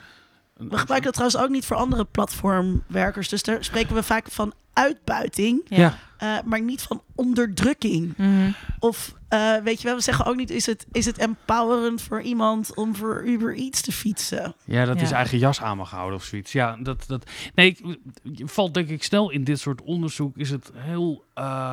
Of het, het- is een soort viering eigenlijk van: kijk eens, we Mm. moeten dit eh, toch ook normaal vinden. En mensen vinden. Of de andere kant, we, er moet iets Ja. gered worden. Hoe, hoe vind je. Even die vraag voor jullie allebei: hoe vind je die balans daarin? Je gaf een voorbeeld door het gewoon te benaderen als werk. Is Ja. dat het? Eh, door, het, door te benaderen als werk en door gewoon wat je ook doet, door eh, naar mensen te luisteren Mm. en, en met mensen te praten eh, die, eh, over wie het gaat. Ja. Eh, in plaats van ehm, eh, alleen maar over ze te praten, wat wij hier natuurlijk nu Ook noodzakelijkerwijs doen. Ja, maar jij hebt het wel eh, met performers ook gesproken. Ehm, is de, de praktijk van het onderzoek doen eh, met deze performers, Hoe is, dat wezenlijk anders dan als je onderzoek had gedaan naar eh, chauffeurs bij Airbnb bijvoorbeeld? Of eh, eh, bij. Uber? Of nou ja, wat zou ik... nou ja, ik zou ook altijd zeggen, inderdaad, benader het gewoon als werk. En ik heb ook het gevoel dat dan veel van die dingen een soort van hetzelfde zouden blijven. Maar we kunnen ook niet doen alsof het niet een specifiek soort werk is, waar een bepaald, in ieder geval sociaal oordeel aan kleeft. En dat dus wel zijn eigen ja, moeilijkheden brengt. Niet zozeer omdat het werk zelf zo anders is, misschien dan ander soorten werk, maar wel omdat de reactie die wij als maatschappij erop hebben wel heel anders is. dus dat maakt het wel specifiek. en denken de performers met die jij hierover hebt daar ook zo over? Ja, wel redelijk moet ik zeggen. Veel, ik vraag vaak, want ik vraag vaak letterlijk, en mijn onderzoeksvraag is tot op een zekere hoogte ook, en ik voel me soms een beetje simpel als ik hem zeg, maar is, zeg maar, wat zijn de leuke aspecten aan het werk, wat zijn de minder leuke aspecten aan het werk, en hoe kunnen we meer van de leuke maken, minder van de minder leuke. Ehm, dat is eigenlijk waar het om gaat. En ik vraag vaak, wat vind je hier nou niet leuk aan? En dat is vaak, ja, dat mensen er negatief op reageren. Dat mensen om je heen je partner of misschien je familie of je vrienden er gek over doen. En doen alsof het iets vreemds is of raars of dat je misschien hulp nodig hebt of zo. Terwijl heel veel mensen ook gewoon zeggen, ja, ik heb hier gewoon voor gekozen. Dit werkt voor mij als werk. En ja, soms vind ik het saai en heb ik er helemaal geen zin in. En krijg ik rugpijn van de manier waarop ik zit. En Ja. soms vind ik het ook best wel gezellig. En is iemand aan de andere kant van de cam opeens super knap. Dat gebeurt ook gewoon. Ja, ehm, dat, dat is allemaal oké. maar het is die reactie. En ik denk ook dat dat het grootste verschil maakt voor mensen. Als mensen gewoon normaal erop zouden reageren. Gewoon net zoals wanneer je zegt... En ik hoe, werk bij de Albert Heijn. hoe, hoe kom jij in contact met de performers? Eh, ja, verschillende manieren. Ehm, dat is een, een grote samenraapsel van... eh, ik snap dat je heel veel tokens kan kopen. ja, en trouwens... Het is nooit via de website zelf. Nee. Ehm, het, is, eh, ja, het is wel social media. ehm, en via bestaande netwerken die ik heb ook wel. Betaal je performers? Ja, betaal voor de interviews. Het hangt er wel net weer van af. Sommige mensen willen ook niet betaald worden. En dat is dan ook weer oké. Ehm, maar in principe is er, ja, word je gewoon betaald waarom? voor het interview. Waarom, eh, Nou ja, dit is best wel een eh, discussie ehm, onder sekswerkers. Eh, of dit is, dit is wel iets wat ehm, vanuit sekswerkers komt. Eh, bijvoorbeeld bij het Prostitutie Informatiecentrum hier in Amsterdam, waar sekswerkers zich organiseren, maar ook bij belangenorganisaties eh, zoals Proud. Kijk, er zijn heel veel. ehm, er wordt weinig goed onderzoek naar sekswerk gedaan, maar er zijn toch best wel wat ook studenten in Amsterdam die ehm, eh, scripties schrijven of die andere projecten willen doen. Eh, en eh, die duiken allemaal bovenop dat PIK, eh, dat Prostitutie Informatiecentrum. En eh, kijk, dit zijn gewoon ehm, ja, ehm, eh, mensen die dan hun tijd vervolgens Ja. geven aan jou. En eh, mensen die niet heel veel van die tijd te geven hebben. En die dus wel heel erg hierop bevraagd worden. En eh, wat voor hun dan ook dus erg speelt, is ehm, wat doet dit onderzoek voor mij? Hè? Mhm. Eh, ehm, wordt uiteindelijk de positie van sekswerkers beter eh, van ja, dit dat, onderzoek? dat snap ik, maar dan snap ik niet waarom, waarom betaling Ja, nou ja, ook wel een stukje soort van erkenning. Van, Van dit is jouw wijsheid recht, ook ja, die recht doen krijg. aan wat je daar. En dat is toch echt anders ehm, met deze beroepsgroep dan ehm, wanneer je eh, leraren onderzoekt, Hmm. bijvoorbeeld. Maar ik kan me heel goed voorstellen als je bijvoorbeeld taxichauffeurs onderzoekt. Ja, Ehm, hè, die, Ja. die werken. Airbnb die werken, of die eh, werken, de, die Uber-chauffeurs ook ja, betalen? die werken tien uur eh, per dag. Die zou je daar ook voor moeten, Ja. moeten betalen. Hè, dus het, ja, eh, je, je, je, je neemt veel van iemands tijd in Mm. beslag. En eh, eh, van, een, van een beroepsgroep bij wie wat zij verkopen tijd is. Ja, toch, toch, toch, zit- toch is er een bepaald belang dan ook. Die, die, in- in- en een machtsrelatie die ontstaat tussen iemand die betaalt en een andere die betaald wordt. Binnen een setting van wetenschappelijk onderzoek kan je daar toch ook wel je bedenkingen bij hebben. Al- bijvoorbeeld, en dit is geen, eh, geen woordgrapje. Op het moment dat je iemand betaalt, dan verwacht je ook een bepaalde performance van iemand. Hè? Iemand die er ook voor gaat in het interview en je Mhm. antwoorden geeft. Het, het, het- het- zien jullie dat niet als een probleem? Jullie... Nou, ehm, ik, ik snap wat je, wat je zegt. Hè, van, eh, krijg je daardoor niet ehm, bepaalde wenselijke antwoorden? Speel je dat niet in de kaart? Maar dit komt zo duidelijk vanuit sekswerkers als het gaat over wetenschappelijk onderzoek, dat zij zich gewoon uitgebuit voelen door wetenschappers Mm. die niet willen te, wensen te betalen.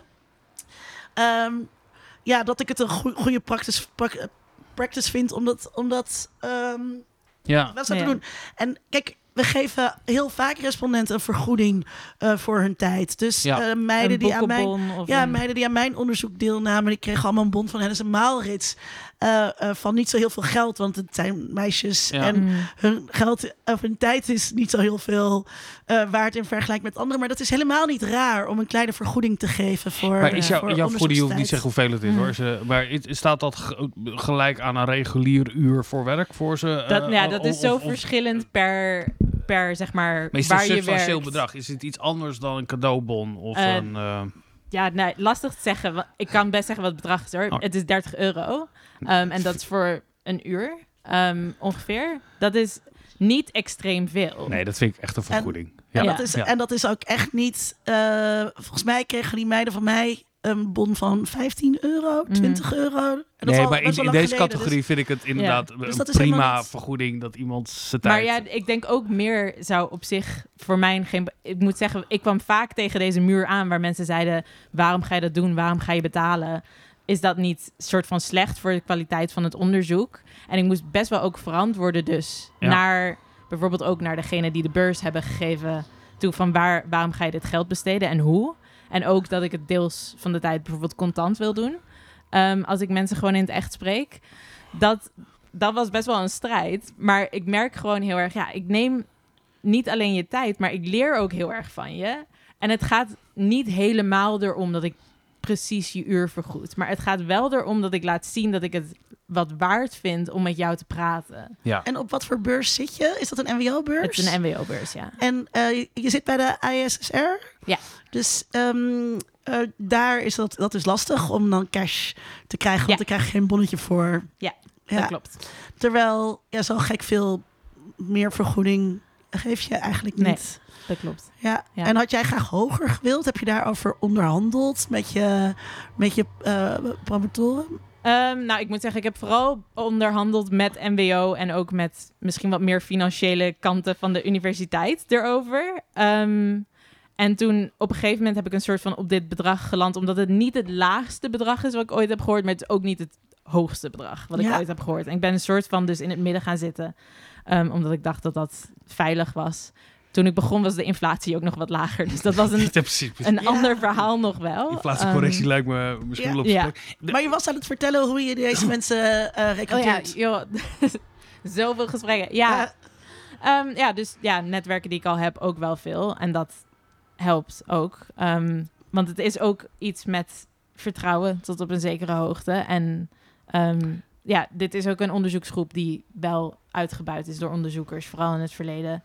Ehm, maar nog steeds wel misbruikt wordt voor, voor onderzoeken of voor tv-programma's. Ehm, en waar, ja, waar hun verhaal een soort van wel beluisterd wordt, maar vervolgens zo gedraaid of ja, misbruikt wordt dat het niet meer overeenkomt met. Het is bijna een genre, hè? Dat, dat, Ja. dat, dat de, de, de Nou ja, we interviewer die de, eh, eh, ja, het net de over- ach en wee en de, We hadden het net Ja. over Jo gaan je Janneke. redden, ja. En eh, Jo Janneke, we maken natuurlijk ehm, Mm. die documentaire eh Jo Janneke in de prostitutie. En eh, zij was toen op zoek naar sekswerkers om mee te praten.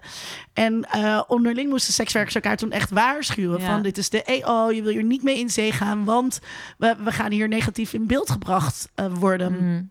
En eh, ja, dat is, dat is echt gewoon best wel kut. En ook bij onderzoekers. Kijk, ze weten gewoon niet ehm, Mhm.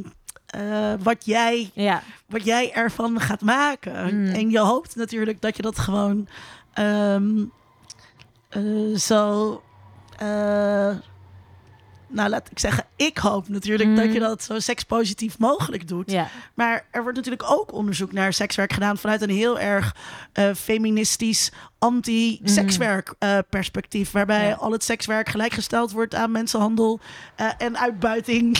en, eh, want dat had ook je onderzoeksvraag Ja. kunnen zijn. Hè, van hoe werken die categorieën onderdrukking in de hand? Mm. Ja, dan krijg je ook wel een heel ander portret van webcamwerk dan Ja. hopelijk wat je nu neerzet. Ja, nou, ik hoop ook trouwens dat ik het op dezelfde manier neerzet. Ehm, en dat is misschien nog wel een ander deel van hoe ik met mensen in contact Laat kom. ik zeggen, niet sekspositief, dat, dat is te, te gekleurd. Dat je recht doet aan de geleefde ervaring van Ja. de mensen over wie het gaat. Ja, het. en ook wel, ik moet zeggen, er zit een, wel ook een licht activistische insteek in. Ehm, of soms wat minder licht als het gaat om sekswerkerrechten en misschien het aanpassen van bepaalde wetgeving. En daar ben ik ook open in als ik, als ik mensen vraag. En, Gelukkig. En, en- ik, hoor straks, je bent al nog midden in het traject, maar ik hoor straks graag over wat er dan moet veranderen.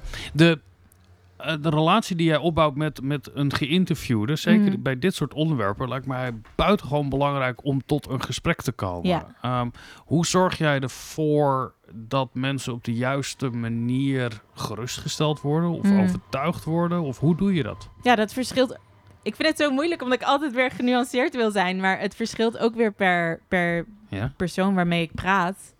Ehm, dus het kan zijn dat we gewoon eerst even, nou ja, even wat berichtjes naar elkaar sturen. En dat iemand kan vragen: Oh, maar waarom doe je dit dan? En ehm, wat, wat denk je hier zelf over? Of dat mensen eerst even willen bellen. Andere mensen zien soms vanuit bepaalde social media al dingen die ze denken: Oké, nou dat is goed. Ehm, we gaan wel gewoon praten. Sommige mensen vinden het ook gewoon heel erg leuk dat iemand geïnteresseerd is in hun werk. En omdat er vaak niet heel open over gepraat kan worden met vrienden, is het ook gewoon wel fijn als iemand een uur lang gewoon naar je gaat luisteren. En ik wil ook heel graag een uur Ja. lang naar je luisteren. En niet aan het einde van het uur gaat zeggen, en nu gaan we je redden. dat, eh, dat, dat, lijkt me heel belangrijk. Ja. Hey, over... Moeten we jou redden, Vincent? Word jij eigenlijk uitgebuit en onderdrukt in je werk? Nee, want ik ben een eh, witte hetero cisman van middelbare leeftijd. Dus eh, wij hoeven niet gered te worden. Dat, eh, Even over de methode. We hadden het eerder Mm. over in dat stuk over die categoriseringen. Eh, schrijf je zelf over de methode dat je zowel op een kwantitatieve als een kwalitatieve manier Ja. te werk bent gegaan. Dat, nou ja, dat vinden wij natuurlijk altijd interessant. Want ehm, wat levert een En, en ik ben ook benieuwd, want je zei, je hebt, je hebt mediastudies gestudeerd, Ja, maar je zit nu bij de sociale wetenschappen. Ja. Dus moest je, moest je... Ja, hoe doe je die je- kwanti-dingen? Moest je bijgespijkerd Ja. worden? Ehm, Heb nou, je dat daartussen iets anders gedaan? Nee, ik heb wel alleen maar mediastudies gedaan de hele tijd. Ehm, Want je hebt media cultuur gedaan. ik heb mediastudies gedaan in Groningen. Oh, Ehm, ja. En dat toen kan ook natuurlijk, ja. master in Londen. Ehm, maar En die master is in... media en communication research. Ah, oké. Ja. Dus toen ben, je, toen ben je overgegaan naar de light side van de sociale wetenschappen. ja, en toen ja, ja. werd ik. Wat is de eh, missing, de missing dat zaak? werd, daar werd de sociale wetenschappen iets, eh, ja, iets meer aangeleerd. Ook al, al moet ik zeggen dat veel van die methodes, bijvoorbeeld interviewen, ook gewoon mediastudies al wel deed. En ik al wel aangeleerd kreeg in mijn bachelor ook. Ja. Ehm, dus ik had niet het gevoel dat ik bijgespijkerd hoef te worden. Al heb ik wel nog extra vakken gevolgd, want dat is ook gewoon leuk. Ehm, gratis onderwijs krijgen is altijd fijn. Ehm, ja, dus daar wat meer etnografie vakken en zo gevolgd. En zat je bij meer. LSE of bij Goldsmiths? LSE, ja. Ja. ja. vraag was hoe die kwantitatief eh, en die kwalitatief, want Ja. in dat onderzoek heb je gekeken, je, je beschrijft kwantitatief, maar kwantitatieve benaderingen zijn alleen relevant als je er ook op een kwalitatieve manier kritisch naar kan kijken. Ja. Wo- Woorden van gelijke strekking heb je eh, in ieder geval Iets in die zin. daarover. Ik vond het heel intelligent klinken op deze manier in ieder geval. Maar hoe zit dat dan? Hoe, hoe pak je dat aan? Hoe kan je een kwantitatieve bevinding Mhm. op een kwalitatieve manier duiden? Nou ja, wat we hier dus bijvoorbeeld hebben gedaan in dat onderzoek met die categorieën, was we hebben ook gewoon best wel soort, ja, ook een soort ouderwets geteld. Hoeveel zijn er? Hoeveel categorieën zijn er voor gender? Hoeveel categorieën zijn er voor borstgrootte? En dat zegt wat. Maar dat is natuurlijk wel, ja, dat is een kwantitatieve bevinding. Dat is een getal. En op zich zegt zo'n getal dan nog niet zo heel erg veel, vind ik. Tot je ook gaat kijken, wat, wat staat er dan in? Wat voor woorden worden er gebruikt? En als je naar die woorden kijkt, hoe relateren die dan tot de wereld? Dus is dit een term die we vaker terug zien komen, bijvoorbeeld op een vragenlijst? Of is dit een term die we alleen maar terug zien komen in de porno-industrie? Dus dat is een soort, ja, toch een kwalitatieve, kritische blik op die termen binnen die getallen. Die voor mij er veel meer betekenis aan geven dan alleen maar, oké, er zijn 27 verschillende opties voor gender. En nu? Ja, Wat zijn die opties? Wat betekenen die opties? Eh, daar, daar gaat het eigenlijk om. ik ben het eigenlijk eh roerend met je eens. Ehm, je, je, hebt nu volgens mij twee artikelen. Nee, maar nee, nee, want ik ben nog lang niet. ik weet het nog. Nee, maar dus ehm, eh, eh, ben je vervolgens gaan coderen of heb je daar mensen opgezet? Want jullie hadden volgens mij 1700 Ja, het was veel. categorieën. Ja. Ja. Wat wij dus hebben gedaan is gewoon echt ouderwets. Het is niet scrapen of wat dan ook. Het was gewoon op de website gaan, kopiëren, plakken. Ehm, in Met een de heel, hand. Met de hand, Oh, ja. joh. Ja, in een heel groot Excel-bestand. Ehm, dat heb ik gedaan ehm, met ook collega PhD-onderzoeker Emilia Jakubowskite. Ook, ja, heel interessant trouwens. Ander onderwerp, maar ook met webcammen. En ook nog studenten van de Master Media Studies hebben ook dat deels gedaan. En toen vervolgens hebben we inderdaad gecodeerd. Daar heb ik helemaal een handleiding voor geschreven met allemaal plaatjes. En ik ging het allemaal proberen zo mooi mogelijk te maken, zodat het misschien nog een beetje interessant bleef. In een kwantitatief codeerboek. Ja, in een Ja. kwantitatief codeerboek. Ehm, en dan ging het dus over, oké, hoe vaak zie je een categorie optie voor borstgrote? Hoe vaak zie je een categorie optie voor ehm, kinks? Oké, wat zijn dan de opties die binnen die categorie worden gegeven? En dat hebben we allemaal in een Excel-bestand gezet. En daar op basis van is eigenlijk het onderzoek eh, te werk gekomen. Dus ook zoals de categorieën soms een beetje ouderwets. Want het is niet scrapen, het is gewoon ja, echt ja, dit, gaan dit knippen en echt... plakken. eh, Maar eh, doe je daar alleen beschrijvende statistiek op? Eh, ehm, heb, heb je ook nog ehm, wat, ver- wat statistische verbanden getoetst?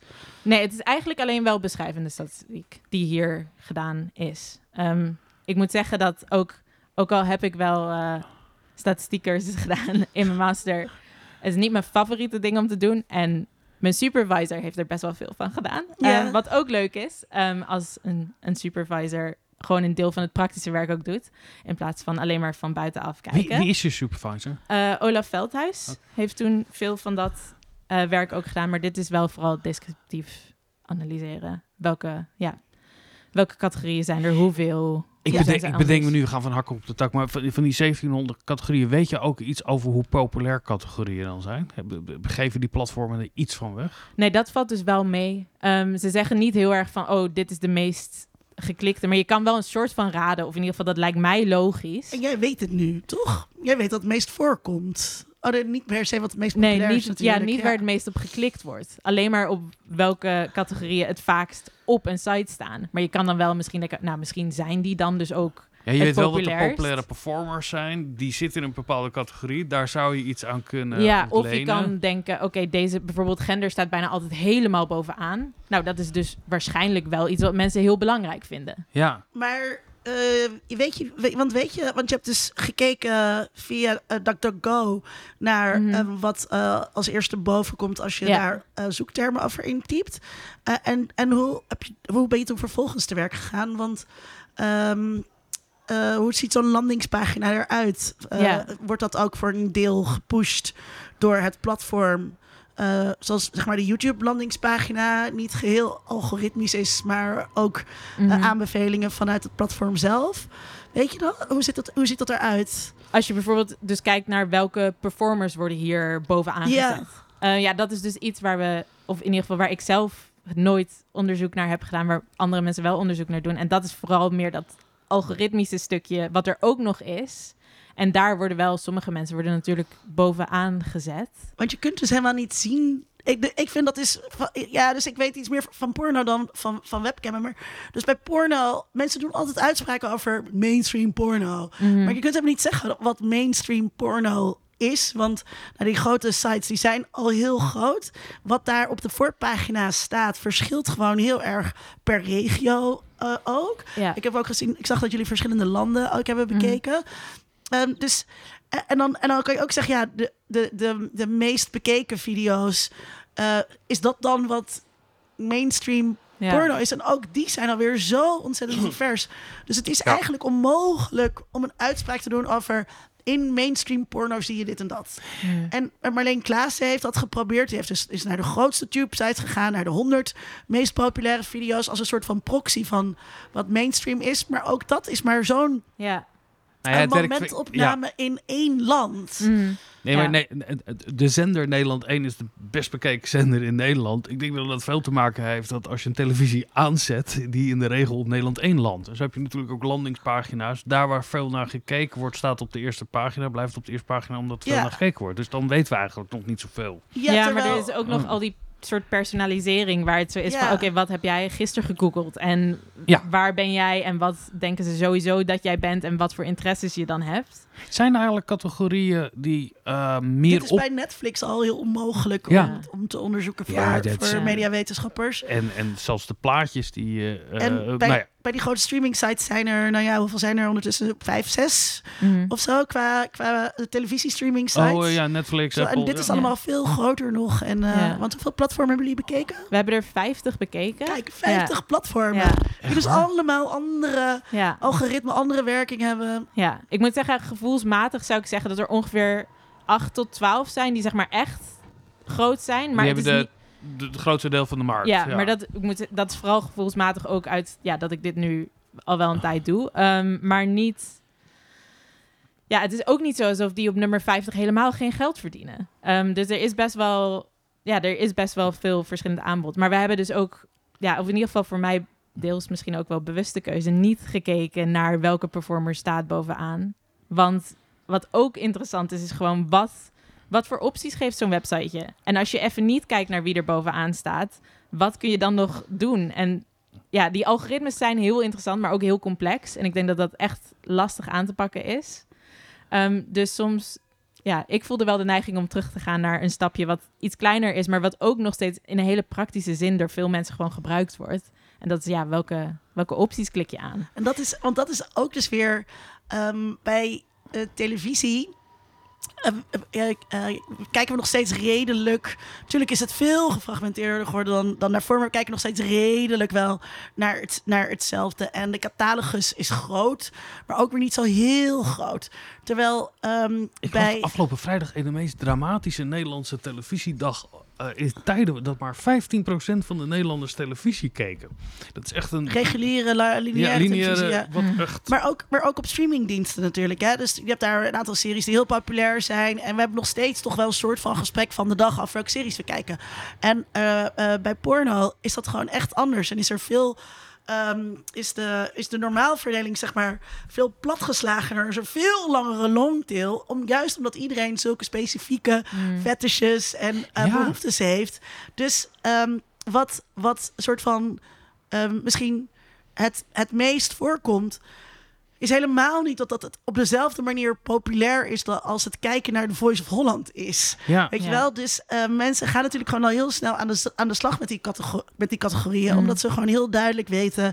Ik wil eh, dit. ik wil, ik wil eh, niet alleen een vrouw die brunet is en eh, dom, maar met- als in afweersend bedoel ik hè. En, eh, maar je moet ook dit en dat en dat en dat en dat. Mensen zijn gewoon redelijk goed in hun porno. eh, Mm. En ik denk ook webcam voorkeuren. Juist als je daar gaat betalen. Dus kom je al heel snel in eh, niches terecht. is het zo dat er... Denk ik zo. Ja, dat denk ik ook zo Ja. wel. Ja. Het, het bestaat eigenlijk zoiets als, als, als een fanbase binnen webcam. Voor één performer of voor het Ja, nou, hele webcam ik- zelf? Nou, porno wordt in de regel eh, door de meeste mensen individueel bekeken. Mhm. En wordt niet eh, bij het koffieautomaat inderdaad verteld van... Goh, heb jij Voice of Holland gekeken? Nee, ik heb lekker porno gekeken.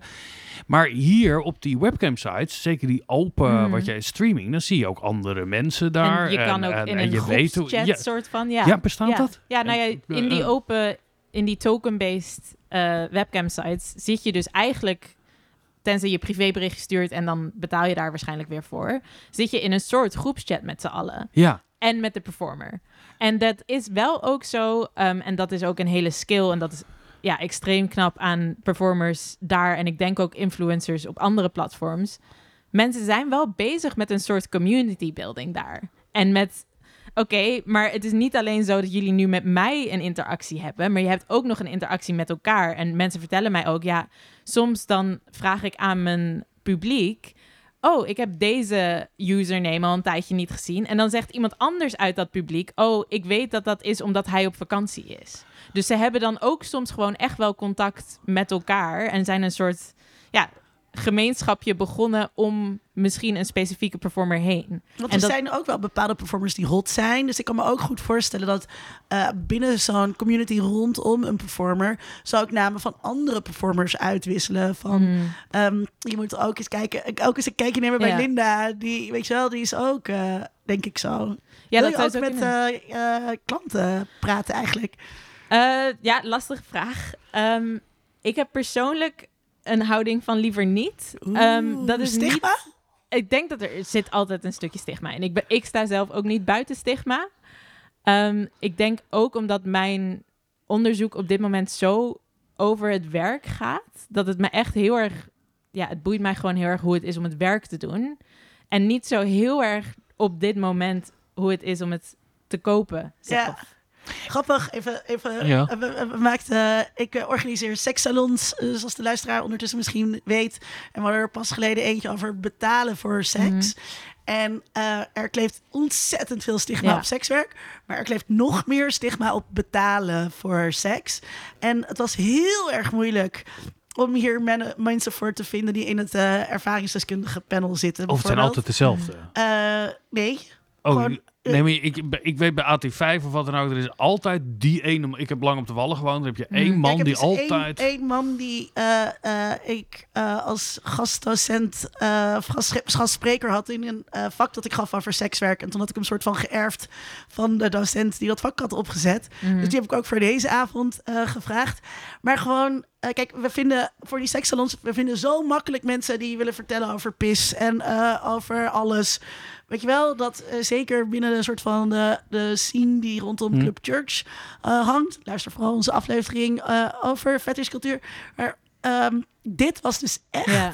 echt, echt moeilijk om mensen op een podium te laten vertellen: ik betaal wel eens voor seks. Ook Mhm. zelfs, ik heb ook echt expliciet oproepjes gedaan van betaal je voor OnlyFans. Waarvan je Mhm. toch zou zeggen, Dat is best wel normaal. dat is helemaal niet zo. En dat is, en dus. Oh, hoe eh, kijken de en performers? maar even nog ook om, Ja. om jou. Dus ik, toen ik dat, toen die gastspreker bij mij in dat Mhm. vak kwam, toen zat ik zelf. ook- Nou, ik kende toen al best wel veel sekswerkers en dat was bij mij dat stigma was ondertussen wel weg. Toen ik begon met dit had ik dat natuurlijk ook. En toen dacht ik, oh shit, ik loop nu dus ook tegen mijn eigen Ja. vooroordelen aan over mensen die, die dus eh, naar de wallen gaan. En ik had allemaal ideeën over wat voor vies mannetje dat, dat zou zijn. En dat is. ehm, ja, ik denk dus dat het een groter taboe nog is. Ik snap het heel goed. Ja. Nou, ik wil ook niet mijn eigen stigma ontkennen, maar ik denk wel dat er bij mij ook een groot stukje zit waar ik ben van ik doe in principe wel onderzoek naar sekswerk, maar niet per se naar seksualiteit. Ik doe onderzoek naar werk. Ja. En dan denk ik dat bij het klantenstukje zit voor mij een groter aandeel van dat stuk seksualiteit. En omdat het me dan over werk gaat. Maar ik zou ook nooit zeggen dat ik zelf helemaal buiten die structuren van stigma sta. Ja, Nee, dat zou ik als wetenschapper in een. Ja, je, je moet ook begrijpen waar die eh, eh, eh, maatschappelijke stigma's vandaan komen. Hoe kijken de performers eigenlijk? Je hebt het er vast over gehad. Hoe, Mm. s- hoe kijken ze naar hun eigen klanten? vaak, vooral vaste klanten, gewoon wel ja, vriendelijk en als een soort vriendschappelijke relatie. Ehm, ja, wel, wel positief eigenlijk. Maar ja, er zitten ook altijd rotte appels tussen. Ehm, er zitten overal rotte appels tussen en dat vinden Ja. mensen gewoon vervelend. Maar het Ehm, stigma wat we net bespreken, zo van goh, het is toch ook een beetje zielig of droevige types. eh, eh, dat ook perf- eh, performers staan natuurlijk niet los van dit soort Nee. maatschappelijke Ja, nou, stigmatische gedachten. Soms hoor je wel zoiets terug. Maar het is ook wel vooral dat mensen zeggen, ja, vaak mannen wel. Ehm, ja, hij heeft gewoon even iemand nodig om tegen te praten aan het einde van zijn dag. En dat ze het ook gezellig vinden. Dat ze ook weten van, oh, ik weet wat voor, wer- wat voor werk hij doet. En we hebben het over, ja, we hebben het over seks, maar we hebben het ook over ehm, een hobby die we allebei heel erg leuk vinden of zo. Dus er, ja, er zit ook gewoon een stuk vriendschap in, vooral met vaste klanten, dat dan toch wel terugkomt. ja, Een stukje therapie soms ook. Ja, ja Wat dat je eigenlijk zeker. van alle sekswerkers ook Ja. altijd hoort. Ja, grotendeels gewoon praten. Ja, en ook echt heel vaak letterlijk de woorden gehoord in interviews van ja, ik heb soms het gevoel dat ik meer therapie aan het doen ben dan iets seksueels. Want mensen willen ook gewoon praten. En dat is dus ook ja, weer terug naar waarom ga je hiervoor betalen? Dat is die intimiteit natuurlijk, die mensen gewoon zoeken. ik, ik weet net wat ik daar dan van ik hoef er ook niks van te vinden. Maar Maar, jij hebt ook wel maar- eens, eh, wij hebben ook wel eens eh, op een terras gezeten en eh, gezegd, eh, eh, mensen betalen ook een psycholoog omdat hun vrienden hun niet meer willen aanhoren. Ja, ja, Ja. coaches. Ja, Eh, is- ja. eh, rent a eh, friend. Ja, zit je in die hoek een beetje hierover na te denken? Nou, ik, ergens vind ik het...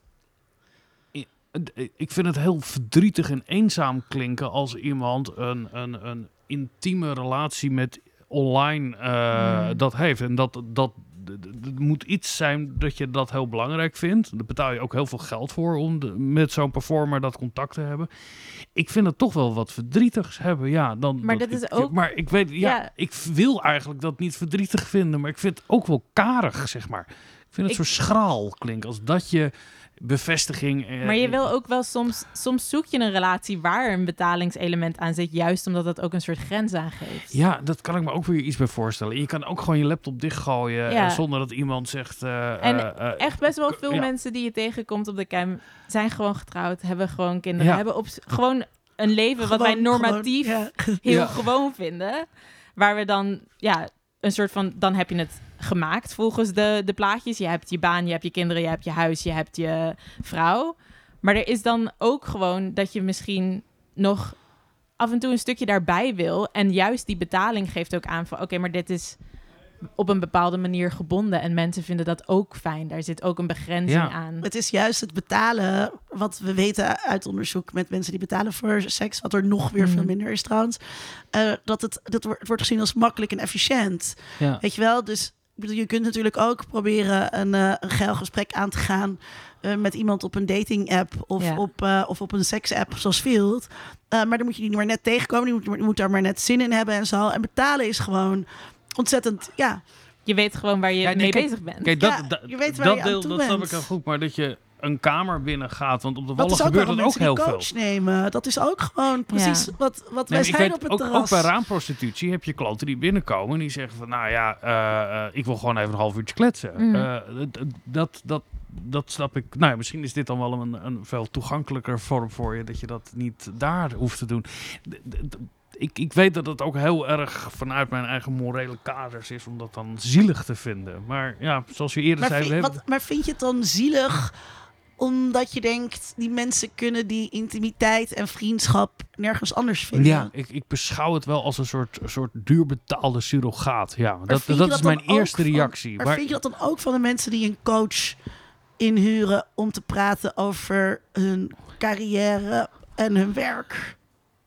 Soms wel, ja, als ik heel eerlijk ben. Ja, ja soms wel. Ja. Oké, ja, fair enough. ja, ja. Want Ja, dan, dan is het een je stuk... wel iedereen over Ja. één kam. Nee, maar dan is het, nee, maar dan is het Ja. wel... eh, dan, vind ik het, dan is je uitspraak, vind ik, dan minder erg. Oh ja, nee, nee, het is Ja. niet omdat, nee, het is niet dan- omdat het sekswerk is. Precies, maar dat gaat het, het niet van nee, het gaat heel erg over intimiteit Mm. in het gesprek. Wat mensen eh, op een Ja. bepaalde manier een ontzettende behoefte daaraan is om dat te hebben. Dat, dat, dat, dat zie je in zoveel Ah ja, facetten van de samenleving. Het is natuurlijk gewoon heel interessant om te zien wat je zegt. Dat er, dat er eh, zo'n gemeenschap Mm. ontstaat rondom een performer. En dat mensen altijd eh, bezig zijn om gemeenschappen te vormen. En dat Ja.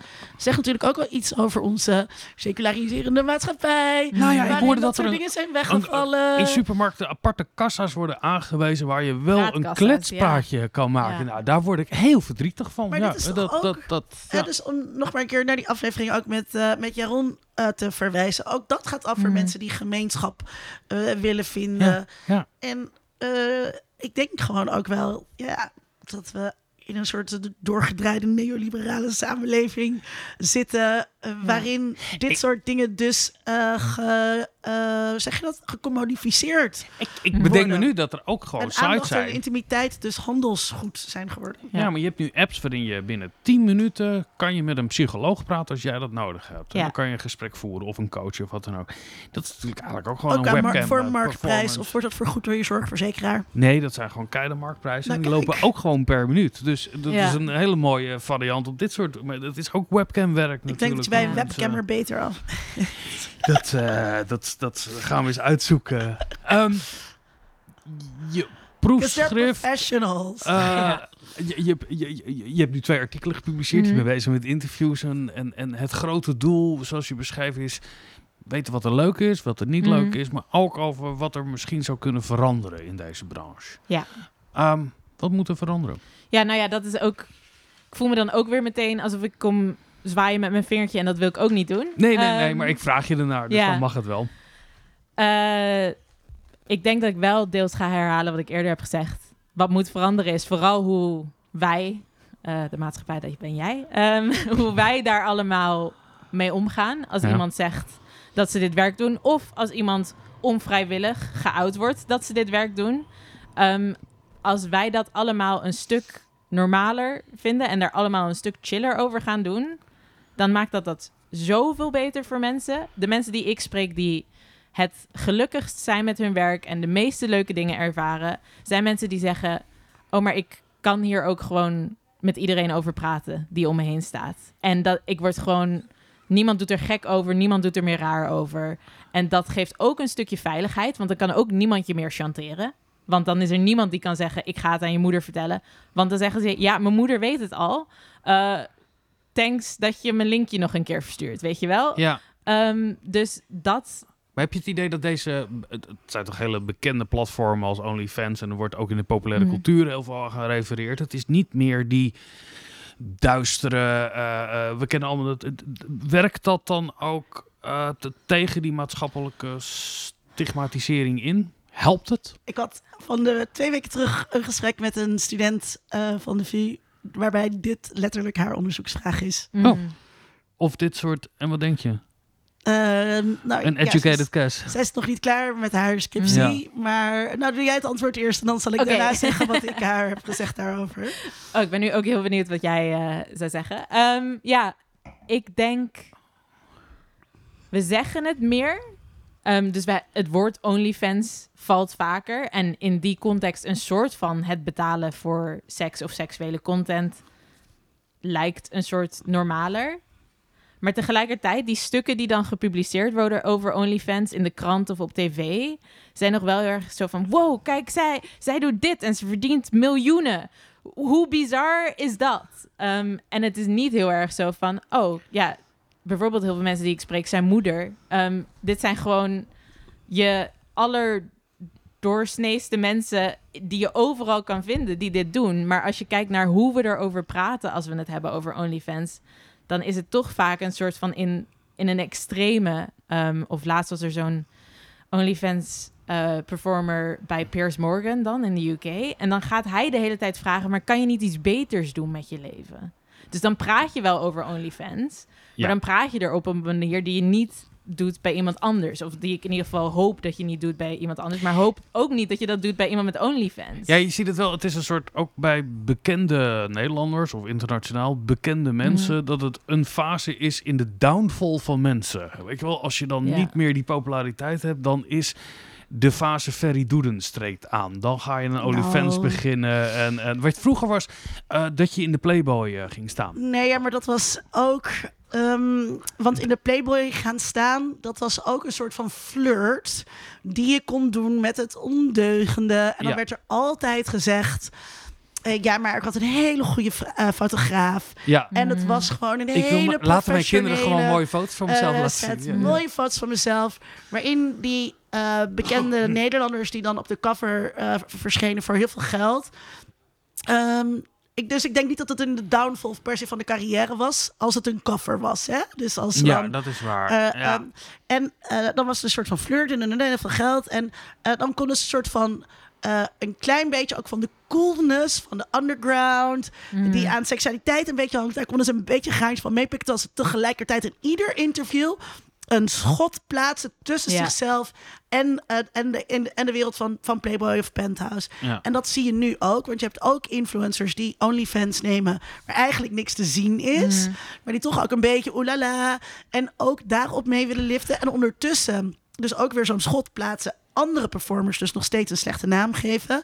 Ja, ik, ik denk dus dat het helemaal niets doet tegen het stigma. Mhm. Ik denk dat het het zelfs eh, versterkt. En hebben het echt, haar, haar scriptie ging echt over eh, OnlyFans. Ja.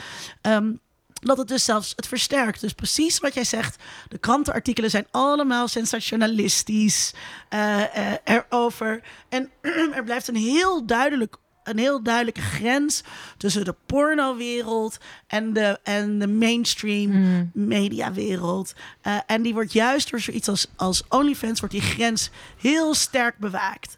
Want ehm, ja, dat is precies die grens waar ik het net had over tussen Instagram, eh, waar je bepaalde dingen niet kunt doen, en OnlyFans, waar je dingen wel kunt doen. Waarbij het meteen eh, ja, over eh, het sekswerkdomein kan je niet iets beters doen. Is het dit? En trouwens dus ook er dus een soort reproductie is van ehm, die, die eh hierarchie, ehm, die hiërarchie. eh, Dat ehm, eh, eh, waarin in direct sekswerk escortwerkers bovenaan staan. Dus we vinden het allemaal heel slecht. Totdat het moment dat iemand er miljoenen mee verdient. Ja. Weet je wel? Zij verdient tienduizenden euro's. Dan eh, mag het weer. En dan is Ja. het in één keer Ja. bewonderenswaardig eh, dat, iemand, dat iemand dat doet. Ja, want dat voorbeeld wat je geeft op Piers Morgan. Dus de, dat, high, dat de onder- high-class escort, Ja, die nee. is het wel waard om in een talkshow aan te mogen schuiven of om in de krant te staan, maar de raamwerker niet. Ja, maar dat wordt ook vaak ge- gebracht als als je OnlyFans, weet je, als je je verkoopt je lichaam Mhm. eh, als een hele passieve daad waar je totaal geen vaardigheden Ja. of eh, wat dan ook voor moet hebben of talenten, wat dan ook. Het is de easy way out om het, de Mhm. quick buck. Dat, dat, ja, de- dat mensen zeggen heel Ja. vaak: Oh, ik ga stoppen met mijn studie en ik begin een OnlyFans. Ja. En dan denk ik, je weet echt niet half waar je aan begint. Want het is heel hard werken. het ja. is echt heel hard werken om, Ja. om er goed geld mee te verdienen. En dat betekent niet dat niet veel mensen er gewoon echt prima mee verdienen. Ehm, maar die stoppen daar wel werk in. En marketing en nadenken over welke dingen ga ik vandaag shooten. En hoe is dat creatief en anders dan wat andere mensen hebben gedaan. En hoe ga ik interacties hebben met mijn klanten en ja, mijn precies. En Ja. überhaupt fans. de Die, Ja. arbeid die erin Ja. gaat. Dus het is ook gewoon uren maken die je erin moet stoppen.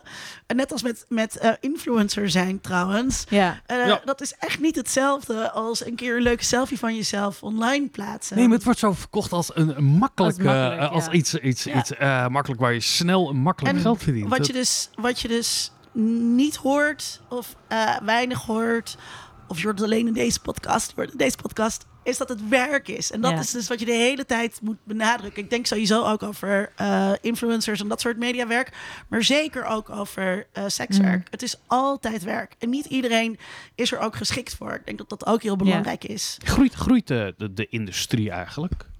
Zijn er in de zin van Hmm. omzetten, performers? eh, Ik denk wel in de zin van omzetten.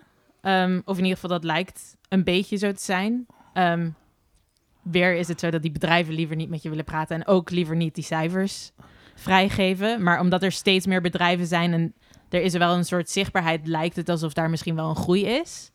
Ik weet. Mag ik daar iets over op inhaken? Ja, Kijk, we weten gewoon niet hoeveel sekswerk er gedaan wordt. ja. En ehm, eh, dus eh, we weten ook niet hoeveel sekswerkers er bijvoorbeeld in Nederland zijn. Mm. Dus we weten wel hoeveel ramen eh, er zijn en hoeveel bordeelplekken. Weet je wel, hoeveel vergunde plekken er zijn. Maar niet hoeveel illegaal sekswerker is, want dat is gewoon heel erg veel. Ehm, mensen die zichzelf... Ja, je moet geregistreerd zijn bij de Kamer van Koophandel... maar bijna geen enkele sekswerker schrijft daarbij sekswerker op. Want je staat er met je naam en toenaam, dus dan zeg je gewoon eh, coach. Eh, Mhm. En ehm, dus we hebben geen enkel zicht op de omvang eh, van direct sekswerk. We weten dat er tijdens corona heel veel mensen die direct sekswerk deden... naar indirect sekswerk zijn gegaan. Het is zoals heel iedereen indirect werk ging doen. Indirect, ja, precies. in die zin eh, indirect. ja. En mooi gezegd, indirect werk ging doen. Ehm, dus we weten ook helemaal dus niet of er sprake is van verplaatsing of eh, Mhm. substitutie, of dat die dingen naast elkaar eh, bestaan. Ik kreeg hier van een student, eh, van een van mijn Amerikaanse uitwisselingsstudenten, die vroeg van de week: wat is eh, de omvang van sekstoerisme in het eh, BNP van Nederland? Wauw. Nou, Ja. oké, Ja. eh, daar kan ik geen antwoord op geven, niet. maar. Ja, en dat is dus met dit soort dingen heel Ja. ingewikkeld. ja. Ik moest een keer die Amerikaanse jongen eh, ophalen bij het Centraal Station. Ik zei, nou, wat zou je als eerste willen doen? Mm. Hij zei, ja, ik wil graag naar de wuivende velden, de, de wuivende marihuana-velden. Daar wil ik zo graag doorheen lopen. Toen moest ik hem uitleggen dat die er niet waren. Staan in eh, Colorado. ja. Maar ik onderbrak je. Je was nog bezig met iets zeggen. Maar nu ben ik wel weer vergeten wat Oh, ik aan het. Nee, dat is helemaal niet erg. Ehm, ik zou zelf ook aantekeningen moeten Oh, maken. je, nee, je vroeg, eh, de, de vraag van Vincent was oorspronkelijk over of de Of eh, het sector groeide. groeit. Ja. Ja. nee, dat weet ik dus ook niet goed. Maar toen was jij aan het praten en toen deed dat me weer denken aan iets nieuws. En dat weet ik nu weer. Ehm, namelijk ook het idee dat eh, indirect sekswerk, zoals online dat dat een bepaalde veiligheid heeft ten over, tegenover direct sekswerk. Dat is ook zo persoonsafhankelijk. Want wat vind je veiliger? Of je zeg maar ja, op het internet bestaat als seksueel persoon. En mensen hebben daar zoveel oordelen over. En ik herhaal het graag nog een keer. Alles zou makkelijker zijn als we dat niet zouden hebben. Of dat je gewoon zonder dat er plaatjes van jou op het internet staan, je werk kan doen. Ik denk, mensen hebben daar verschillende ideeën van hun veiligheid over. Hm. En ik denk dus ook niet dat je per se kan zeggen het ene is veiliger op zeg maar voor iedereen op deze manier, want dat verschilt gewoon voor je persoonlijke afweging ook. Daar moest ik opeens aan denken toen je het had over corona en online gaan. Want er zijn ook mensen die zeggen: ik doe dat niet, ik vertik dat. Want dan sta ik daar met mijn hoofd en dan Ja. heb ik mijn ID-kaart aan zo'n website gegeven, want dat moet ook de hele tijd. Wat ook ja, heel onveilig voelt. Ja, ja dat, is, dat is echt. Dat, dat ehm, ehm, weet ik van, eh, eh, van een sekswerker die begon als webcammer. Mhm. eh, en later andere vormen van sekswerk is gaan verkennen, waaronder raamwerk. En zij vond dus raamwerk veel anoniemer. Ja. En zij komt uit het buitenland. En dat maakt natuurlijk ook nog wel weer uit dat ehm, hier achter een raam staan. ja, dat is echt iets anders dan met je hoofd op het internet. En dat capping is dus niet alleen een probleem in de zin dat jouw content van eh, als webcammer bijvoorbeeld Ja. op zo'n gratis site terechtkomt of doorgestuurd wordt of wat dan ook. Maar ook dat je dus eh, op die manier gedoxt kunt worden. ja, steeds herkenbaarder. Ja, ik, wordt. ik snap het heel erg. Het, het voelt toch vreemd dat raamprostitutie anoniemer kan zijn dan eh, online werk. Maar dat komt dus. ja, nee, ik snap het heel. Ja, het, het is. Maar dat is maar, maar het is ook steeds. Wat zo belangrijk is als het, als het over sekswerk gaat. Mensen hebben zulke verkeerde ideeën Mhm. over, over sekswerk. En ehm, ja, dus ook iemand die je achter de webcam ziet, dat is ook belichting en make-up. En eh, dus je moet ook niet vergeten dat eh, iemand die aan het webcam is er dan heel anders uitziet dan eh, wanneer je ze op straat tegenkomt omdat het je buurvrouw is. En hetzelfde geldt ook voor raamwerkers. Dat ook dat is ehm, eh, een, een bepaald beeld dat mensen neerzetten. En iedereen kent sekswerkers. Je weet alleen niet Ja. dat je ze kent. En dat geldt zeker, denk ik, ook voor cammers. Ja, 100 procent. Ja, dat Anna, denk ik aan het ook. einde van de aflevering beantwoorden wij altijd de grote vraag. En dan ga ik eerst bij Linda voorleggen. En dan mag jij er nog even over nadenken. En dan krijg jij het laatste woord. Want we begonnen eigenlijk met de vraag... op welke manier beïnvloeden digitale platformen... het werk van online sekswerkers? Ehm, Linda. Ehm, ik denk ehm, dat nou ja, on- online platformen bieden de infrastructuur waarin, eh, waarin eh, deze performers hun werk kunnen doen. En door het bieden van die infrastructuur bepalen ze ook voor een deel eh, hoe dat werk vorm krijgt. En dat is niet iets wat is ontstaan vanuit de, beroepsgroep zelf. Het is ook denk ik niet iets wat organisch gegroeid is, als ik jou zo ehm, eh, aanhoor. Ehm, ik ben toch wel. Ik snap dat het buiten de scope van je onderzoek Mhm. valt. Ik ben toch wel heel erg benieuwd naar de vraagkant. Hè, dus ehm, eh, ja, bijvoorbeeld in hoe die categorieën tot stand zijn gekomen. Ik kan me zo voorstellen, eh, want je kunt zoeken, eh, Mhm. dat zij heel erg kijken naar hoe, werd er, hoe wordt er gezocht. En dat ze op basis van hoe er gezocht wordt, bepaalde categorieën en labels vervolgens zijn gaan aanbieden. Eh, dus die wisselwerking. eh, dus in je vraag zitten nu twee partijen, maar er ontbreekt daarin een belangrijke derde partij. En dat zijn eh, die kijkers en die klanten die, ehm, die uiteindelijk toch het, het geld opbrengen om te betalen voor het werk dat hier gedaan wordt. En ik wil ook nog wel even opmerken. Ik heb net al gezegd dat die platformen. Natuurlijk, het is echt schandalig. Als je, want je zei soms wel 70% Ja. pakken van, van het werk dat, dat andere mensen doen. En we hebben altijd onze mond vol van exploitanten op de wallen. Die pakken geen 70% Mhm. hoor, mensen. Even, hè? Eh, het huren van een kamer. Waar, waar van alles komt kijken. hè. In die kamer, eh, er zijn allerlei faciliteiten. Dat is niet wat deze platforms bieden. Die bieden heel minimale faciliteiten. En Als je een kamer huurt op de wallen, dan is er een bed en er is een eh, plek waar je kunt wassen. En er Ja, zijn als je deze handdoeken. percentages als sekswerker zou moeten afdragen als je daar werkt, zou... Als dit op de we- wallen zou ja. gelden, dan, dan zouden we hier al veel eerder eh, dingen tegen ondernemen. Ehm, en eh, ik ga straks even die vriend van mij appen. Om Hoeveel? nog even te vragen wat zij, eh, wat zij, wat zij pakken. Nou, luister, wil je het weten? Het staat straks in de show notes. Ehm Hanne, aan jou Ja. het laatste woord. Oké, ik ga nu eerst nog weer heel even reageren, want dat krijg je als je Tuurlijk. eerst iets Ja hoor, hoor, dat mag. Want dat is ook mijn, mijn ja, een ander ding waar ik het soms moeilijk mee heb, is ik ook natuurlijk vind het schandalig dat er zoveel percentages wordt gebruikt. Ik ben ook heel huiverig voor ingrijpen vanuit een soort eh, ja, overheidsingrijpen. Gewoon omdat we hebben gezien wat er gebeurt met sekswerkwetgeving en hoe vaak dat slecht is. Dus ik zou zo graag zien dat er werkersbescherming is op een manier zoals die er is voor andere werknemers en andere werkers. En niet dat dit specifiek aangepakt wordt als, ja, en dan gaan we weer terug naar dat woord uitbuiting.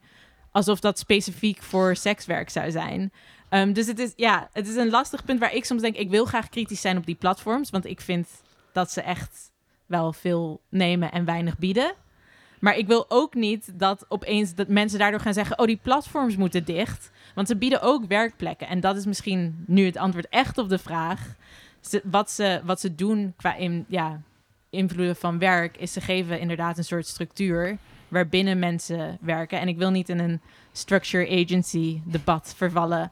Maar daarbinnen zijn wel mogelijkheden voor mensen om ja, op manieren te werken die ze zelf prettig vinden. Maar ook ja, deels zijn daar grenzen aan wat mogelijk is en hoeveel je daar zelf aan kan verdienen. Dus het is eigenlijk in het serieus nemen van sekswerk en online sekswerk als werk, ehm, probeer ik ook naar platforms te kijken als werkplekken en wat zij dan eigenlijk doen met je werk.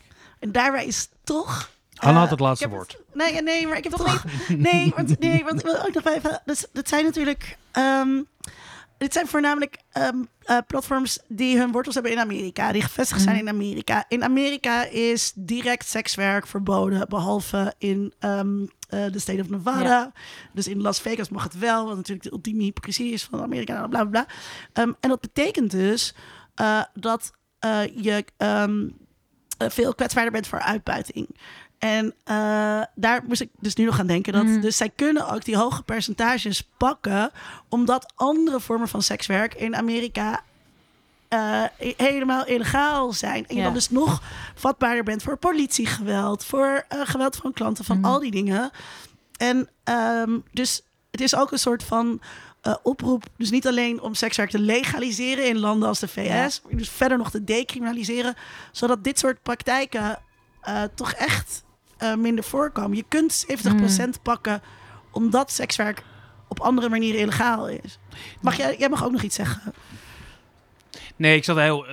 Kijk, zo'n je mag nog zeggen wat je vindt, sorry. Zo'n percentage. Kijk, ik vind het een heel hoog percentage. Mhm. Maar als dat percentage betekent dat deze performers ook veel, eh, eh, eh, veel klanten hebben. Ja, Kijk, als je, je, je kan beter 30% pakken van dit heel, hebben heel echt veel. performers letterlijk gezegd. Ja, dan- Dus zij zeggen ook wel eens, oh, ik zou ook wel willen dat het percentage minder was. Maar als ik op een site ga waar ze 25 pakken, ja, v- eh 75% van nul is nog steeds nul. Precies. En hier krijg ik, en dat is ook waar, natuurlijk. En, en Alleen, dat daar een paar mensen heel rijk van worden, dat is heel vervelend. Eh, maar ja, maar je ziet zo graag dat, dat de werkers ook- daar heel rijk van worden. En niet misschien die paar mensen aan de top. Kut Nee, kapitalisme. ja, ja, nee, Ja. maar, is dat- dat- hetzelfde dat- als Ahold. Ja, om weer terug te komen bij de cashier. Ik wil ook dat de cashier Rijk Geld wordt, verdient. inderdaad. ja, goed geld verdient. En ik de vakkenvuller. jaren geleden was ik een keer in... En de eh, in- medewerker in het distributiecentrum die we helemaal niet zien. Ja, Ik was jaren geleden een keer in de Bali en toen was er een spreker die zei: We moeten het helemaal anders doen met de platformen eigenlijk. Dus op het moment dat je lid wordt, word je eigenlijk ook mede-eigenaar. Dan mag je ook samen besluiten wat er. Dat zou natuurlijk prachtig zijn als je een Dit platform. co-ops eh, moeten zijn. Ja. ja. precies. Dat op het moment dat je performer bent, dan Mm. draag je een klein percentage af voor, voor de coöperatie. Maar ja. je bent mede-eigenaar en je wordt zelf ook rijker. En, en, maar ja, dit zal er wel weer heel erg links zijn, hè? Luisteraar. Dit was aflevering 178 van de podcast onder Mediadoktoren. Uh, de hele redactie uh, bedanken wij. Linda en Vincent, dat zijn wij namelijk. Hartstikke bedankt uh, Vincent voor alle voorbereiding. Onder mediadoktoren.nl, daar kan je nog heel veel terugvinden. Uh, we hebben het in aflevering, aflevering 5, dat is toch zeker een jaartje of tien geleden, 11. Oh. Begonnen we al over porno. We hebben aflevering 24 over vrouwenporno gehad. We hebben de aflevering 65 over schoonheidsidealen gehad. We hebben onlangs met Anne nog gesproken over fetishes. Uh, ik zal het dus afleveringsnummer dus in de show notes noemen. Dat lijkt me heel, heel, heel fijn. En Wil misschien, ik had het over die met Jaron, over complottheorieën. Ja. Ook al is dat niet seksgerelateerd, zou ik die ook noemen. Wij danken Matthijs van Listonk. Uh, voor zijn uh, bijdrage. En wil je nou ook een Matthijs zijn, dan kan je via Patreon of vriend van de show. Uh, ja, ook een beetje onze klanten natuurlijk. Hè. Wij performen hier ook. Um, je kan ook naar de website gaan en onze donatie geven. Wat wij ook ontzettend leuk vinden is om van jou te horen, luisteraar. Uh, wat vind je leuk, wat vind je stom? Laat het ons weten. Heb je wat ideeën? Wat wil je dat wij voor jou performen achter deze uh, microfoon? Wat voor onderwerpen? Dat, Want we uh, gaan met Je zomers... zet ook gelijk een zwoele stem op. We, want we gaan, echt, we gaan, we gaan, ik dacht dat de helft... daarvoor probeer ik altijd een soort schoor te zijn. Ja. Want we gaan met zomerstop. We gaan met zomerstop. Ik heb nog dus een, mensen op kunnen een serieus... tokens kopen. Ja, maar even op een serieuze noot, uh, uh, dat onze gedachten ook uitgaan naar Meijnerd Venema, bij ons Oh, gast geweest, ja. onlangs overleden. Ik zal ook dat afleveringsnummer nog politieke even theorie. noemen. Over Eh, dissonante stemmen. ja. Absoluut is het interessant. Aflevering 126. eh, veel dank aan eh, alles wat hij heeft gedaan. Ehm dankjewel Linda en vooral heel veel dank Hanne. Heel veel dank aan dat je dit onderzoek doet. Wat ik Eh, echt onwijs leuk vind, eh, eh, vond om te horen. Ja, Want en, Vincent had, je, had je ontdekt. En eh, Nodig ons uit voor de us- verdediging en dan gaan wij Ja, als cheerleaders eh, zitten wij Ja, jullie mogen geen moeilijke vragen stellen dan. Dat eh, gaan we zeker niet doen. Hey, heel fijn dat je er was en tot de volgende keer. tot na de zomer. Onder Mediadoktoren is een podcast van Vincent Kronen en Linda Duits. Meer informatie vindt u op ondermediadoktoren.nl.